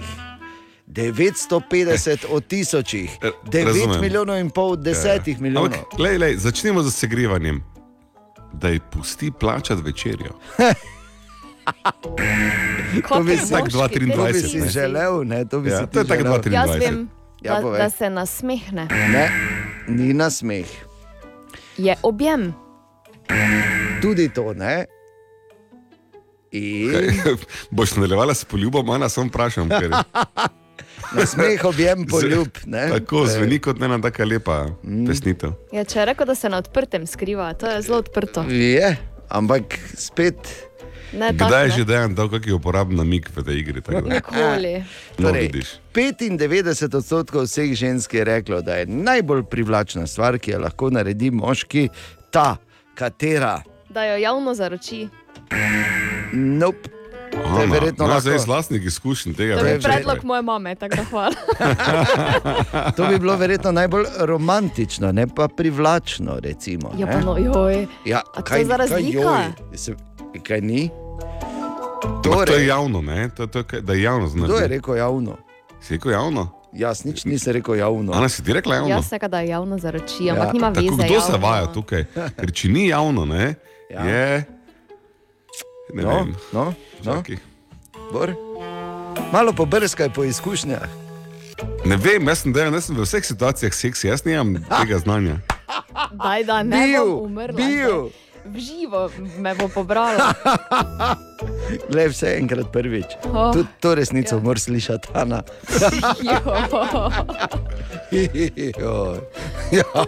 Da izkuha kosilo, Da je skuha kosilo. Ne, ne, da ji reče, da jo ima rad.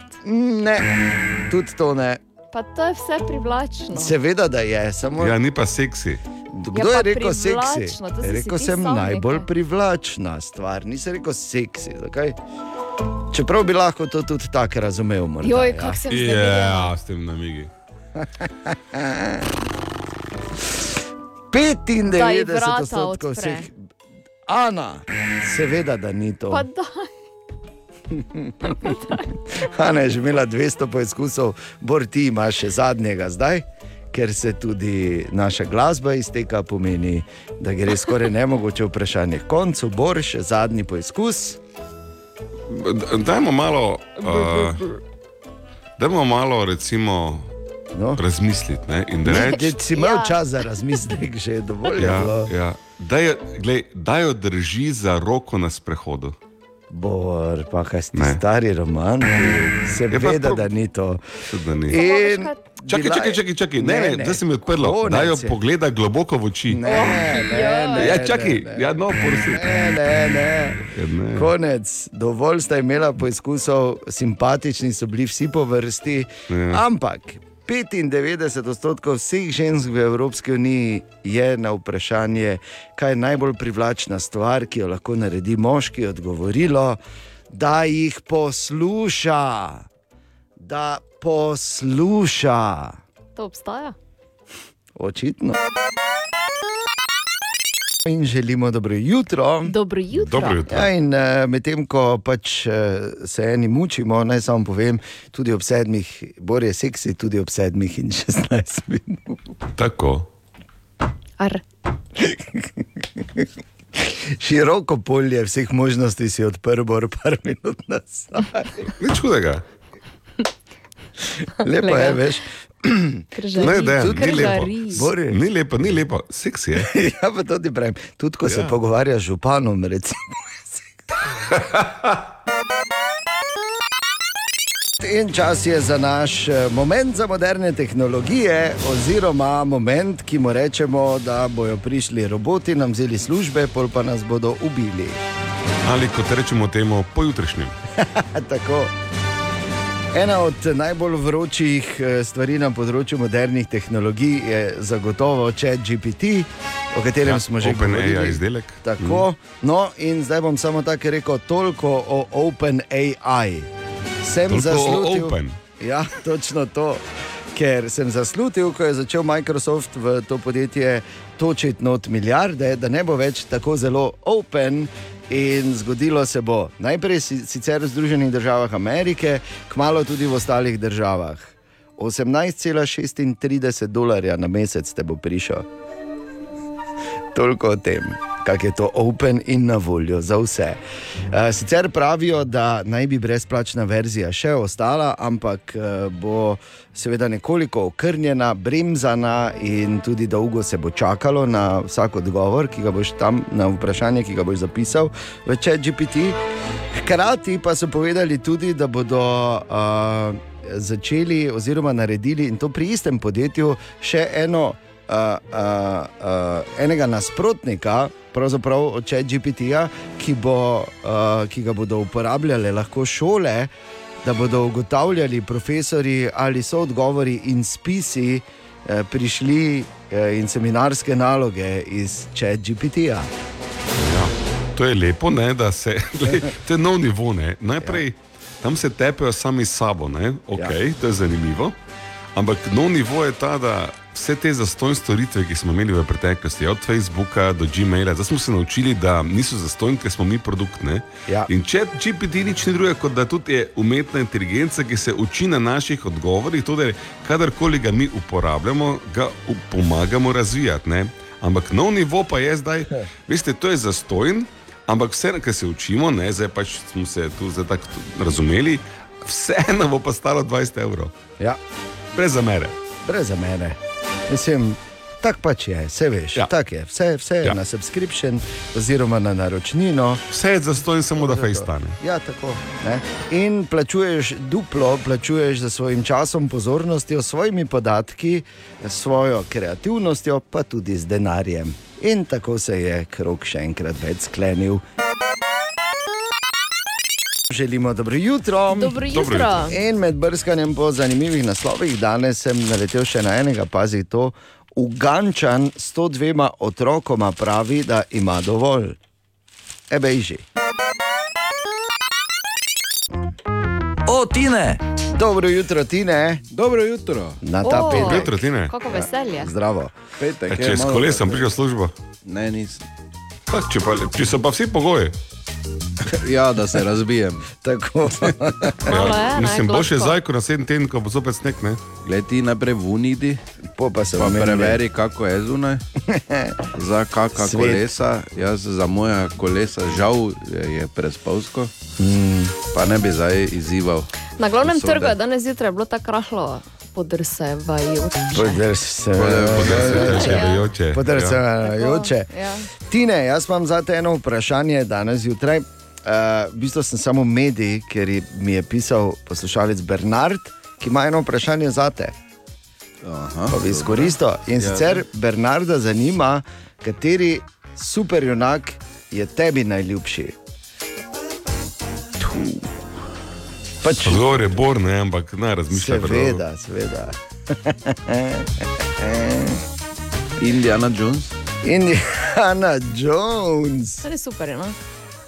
Kaj? Kdo je to rekel? S, Seveda, da je. Kako super moč pa te ima. To, da, si, da, da, ima vedno, ne, vedno zadnji trenutek klobuk potegne pod uh, padajočimi vrati. Ana, Okay. zdaj, ne pogovarjam se s tem. Ja, ne, se Joj, daj no. Marty McFly, ne. Oj, Bog da me kar. Okay, torej Indiana Jones, hvala lepa, Tine Bernard, upam, Če da pa si že bi slišal. mogel, pa bi rekel Deadpool. Ja, definitivno. Ja. Mm. Tudi moj. Jaz bi, To rekel, lahko, Ana? Ja, to je lahko. Jaz bi rekel, da je Deadpool tudi hišni superjunak za pubece v družini Vedlin. Tako da- okay, Tine, kaj imaš za danes? Singapur. Dober začetek. Dober začetek. Ja. Ne vem, če ste vedeli, ampak v Singapurju je približno 80 odstotkov ljudi kratkovidnih. Da imajo največje, eh, največjo populacijo kratkovidnih ljudi na svetu. Wow, to je ta informacija za ta petek. Ja, gled. Lepo. Pa če greste v Singapur, pa se lahko full frajeri, ker ste full vidni. ja. Le Nadalje. vidiš, kaj tam piše? Ne, kaj ti vidiš? Jo, je, kot tudi je frajer. Bog, ne recimo. To ti je Bog. To ti zna čitati brez očal. Wow. In Tine, ko si to povedal, je Bor začel na veliko blinkati z okami. Ja. Ja. Ja. To je vprašanje za AHFX za danes zjutraj. In se mi zdi kar primerno vprašanje naslovljeno na Tebor, ker vemo, bili so. Čudno, ne? Običajno Ja. se jih na Anu naslavlja. Ja, no, ne, ampak tokrat, tokrat pa je res, pazi. Ker vemo, da so bili trije veliki modni guruji v zgodovini človeštva, liberači, Barry Menilov in Borgrajner. In zato je poslušalka Ana Nate naslovila vprašanje na jutraf na radio city.js, ali se že ve, kakšen trend bo letos pri kopalkah. Uh, bele pici malke, naslednje vprašanje. ne to, kaj bor, kar Bor nosi vsako leto. Trendi kopalk. Okay. Ja, tako. Ja, dobro. Razumeš, da je ta moj uvod? Razumem zelo dobro. No, dobro. Hvala, da, Ana. Z nekaj sreče dobiš odgovor v Hypektu. Aha, aha, aha, aha, aha, aha, aha efekt. In tu je aha efekt in odgovor na vprašanje poslušalke Ane, ki je nabora naslovila zanimivo vprašanje. Ali se že ve, kakšen trend bo letos pri kopalkah? Uh, moram tako malo francosko govoriti, zdaj ne rabiš, na- prosim, vidim. ne. Prosim, ne. Kar se trendov tiče. In Hvala. kar se kopalk tiče, seveda so ljudje, ki se ukvarjajo z napovedovanjem. In sem pač malo zbral te njihove napovedi, naredil nek presek in hopa, v teh par minutah, tu so trendi kopalne mode ali kaj moraš ti kupiti, ne da bi se fej zasrala. Prvo za ženske. Ne, samo za ženske. A, okej. Za moške Sploh ne vem, moške kopalke, ker veze. trendov, Ana. Trend moške kopalke, da so. Ne? No, te pa tako. vaj, kaj moram kupiti. Pa nisem jaz Ja, vprašala, in- slučajno je isto ime. Ja, Ana je vprašala, ne, torej, če, če je Ana slučajno vprašala za svojega fanta, kupimo tiste telovatke, malo daljše, pa smo z njim upravili. In mu reče, da če mu kaj ne paše, lahko gre nazaj trenirati, ker ni problem v kopalkah, ampak v njem, da v kopalkah slabo zgleda. To je moški del. Ženski del pa kar nekaj zanimivih trendov, seveda so divergentni, niso vsi isti. Prvi in najbolj izrazit je, da imajo kopalke. Da taki- bodo imele kopalke, ker govorimo o prihodnosti. Ne, ne. eni vseeno imamo kristalno kroglo, veš? Dobre, torej, dobre, ja. trendovske kopalke letos imajo taki um, šajn, taki gliter, tako svetlikanje, ki pa ni izrazito, tako je Aha, subtilno svetlikanje kopalk. Dobro. Dobro. Druga stvar je bikini, oziroma eh, zgornji del bikinija, ki ima samo eno ručo. Ne? Aha, Torej, od zadaj so zapete, gor imajo pa skozi. Se pravi, bo še bolj praktičen bikini. Ne bi ga Daj, lahko daj, daj. Ja, eno ručo gor imajo. ne? Ja. Potem uh, tretjega je, da se od spredje tako malo zaveže, tako neki v kopalke vgrajene en taki pasek, ki se od spredje zaveže Aha, okay. na. Uh, kak? S tem se je bolj fajn sončiti, ne, ker imaš. Ja, to je noro, ne?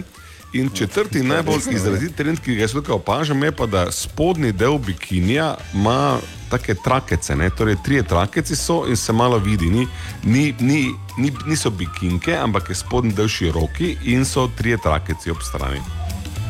Aha, na bokih, ne? Na bokih, ja, Ja, ja, bravo. razumem. Ob tem sem opazil še en se malo tukaj pojavlja na površini, ni pa še čisto tam, da kopalke iščejo navdih pri spodnjem peridu, torej da so kopalke rahlo čipkaste. O, to pa mi je všeč. Ja. Tako meni tudi. To so aktualni trendi. Eh, Hvala lepa. si Eh? Še kakšno vprašanje ali podvprašanje za novo Ne več. pečenega modnega guruja za kopalke? ne. In eh, klasika ostaja, ne? enodelni za tjulna. Ali tudi vi pogosto totavate v temi? Aha, efekt, da boste vedeli več.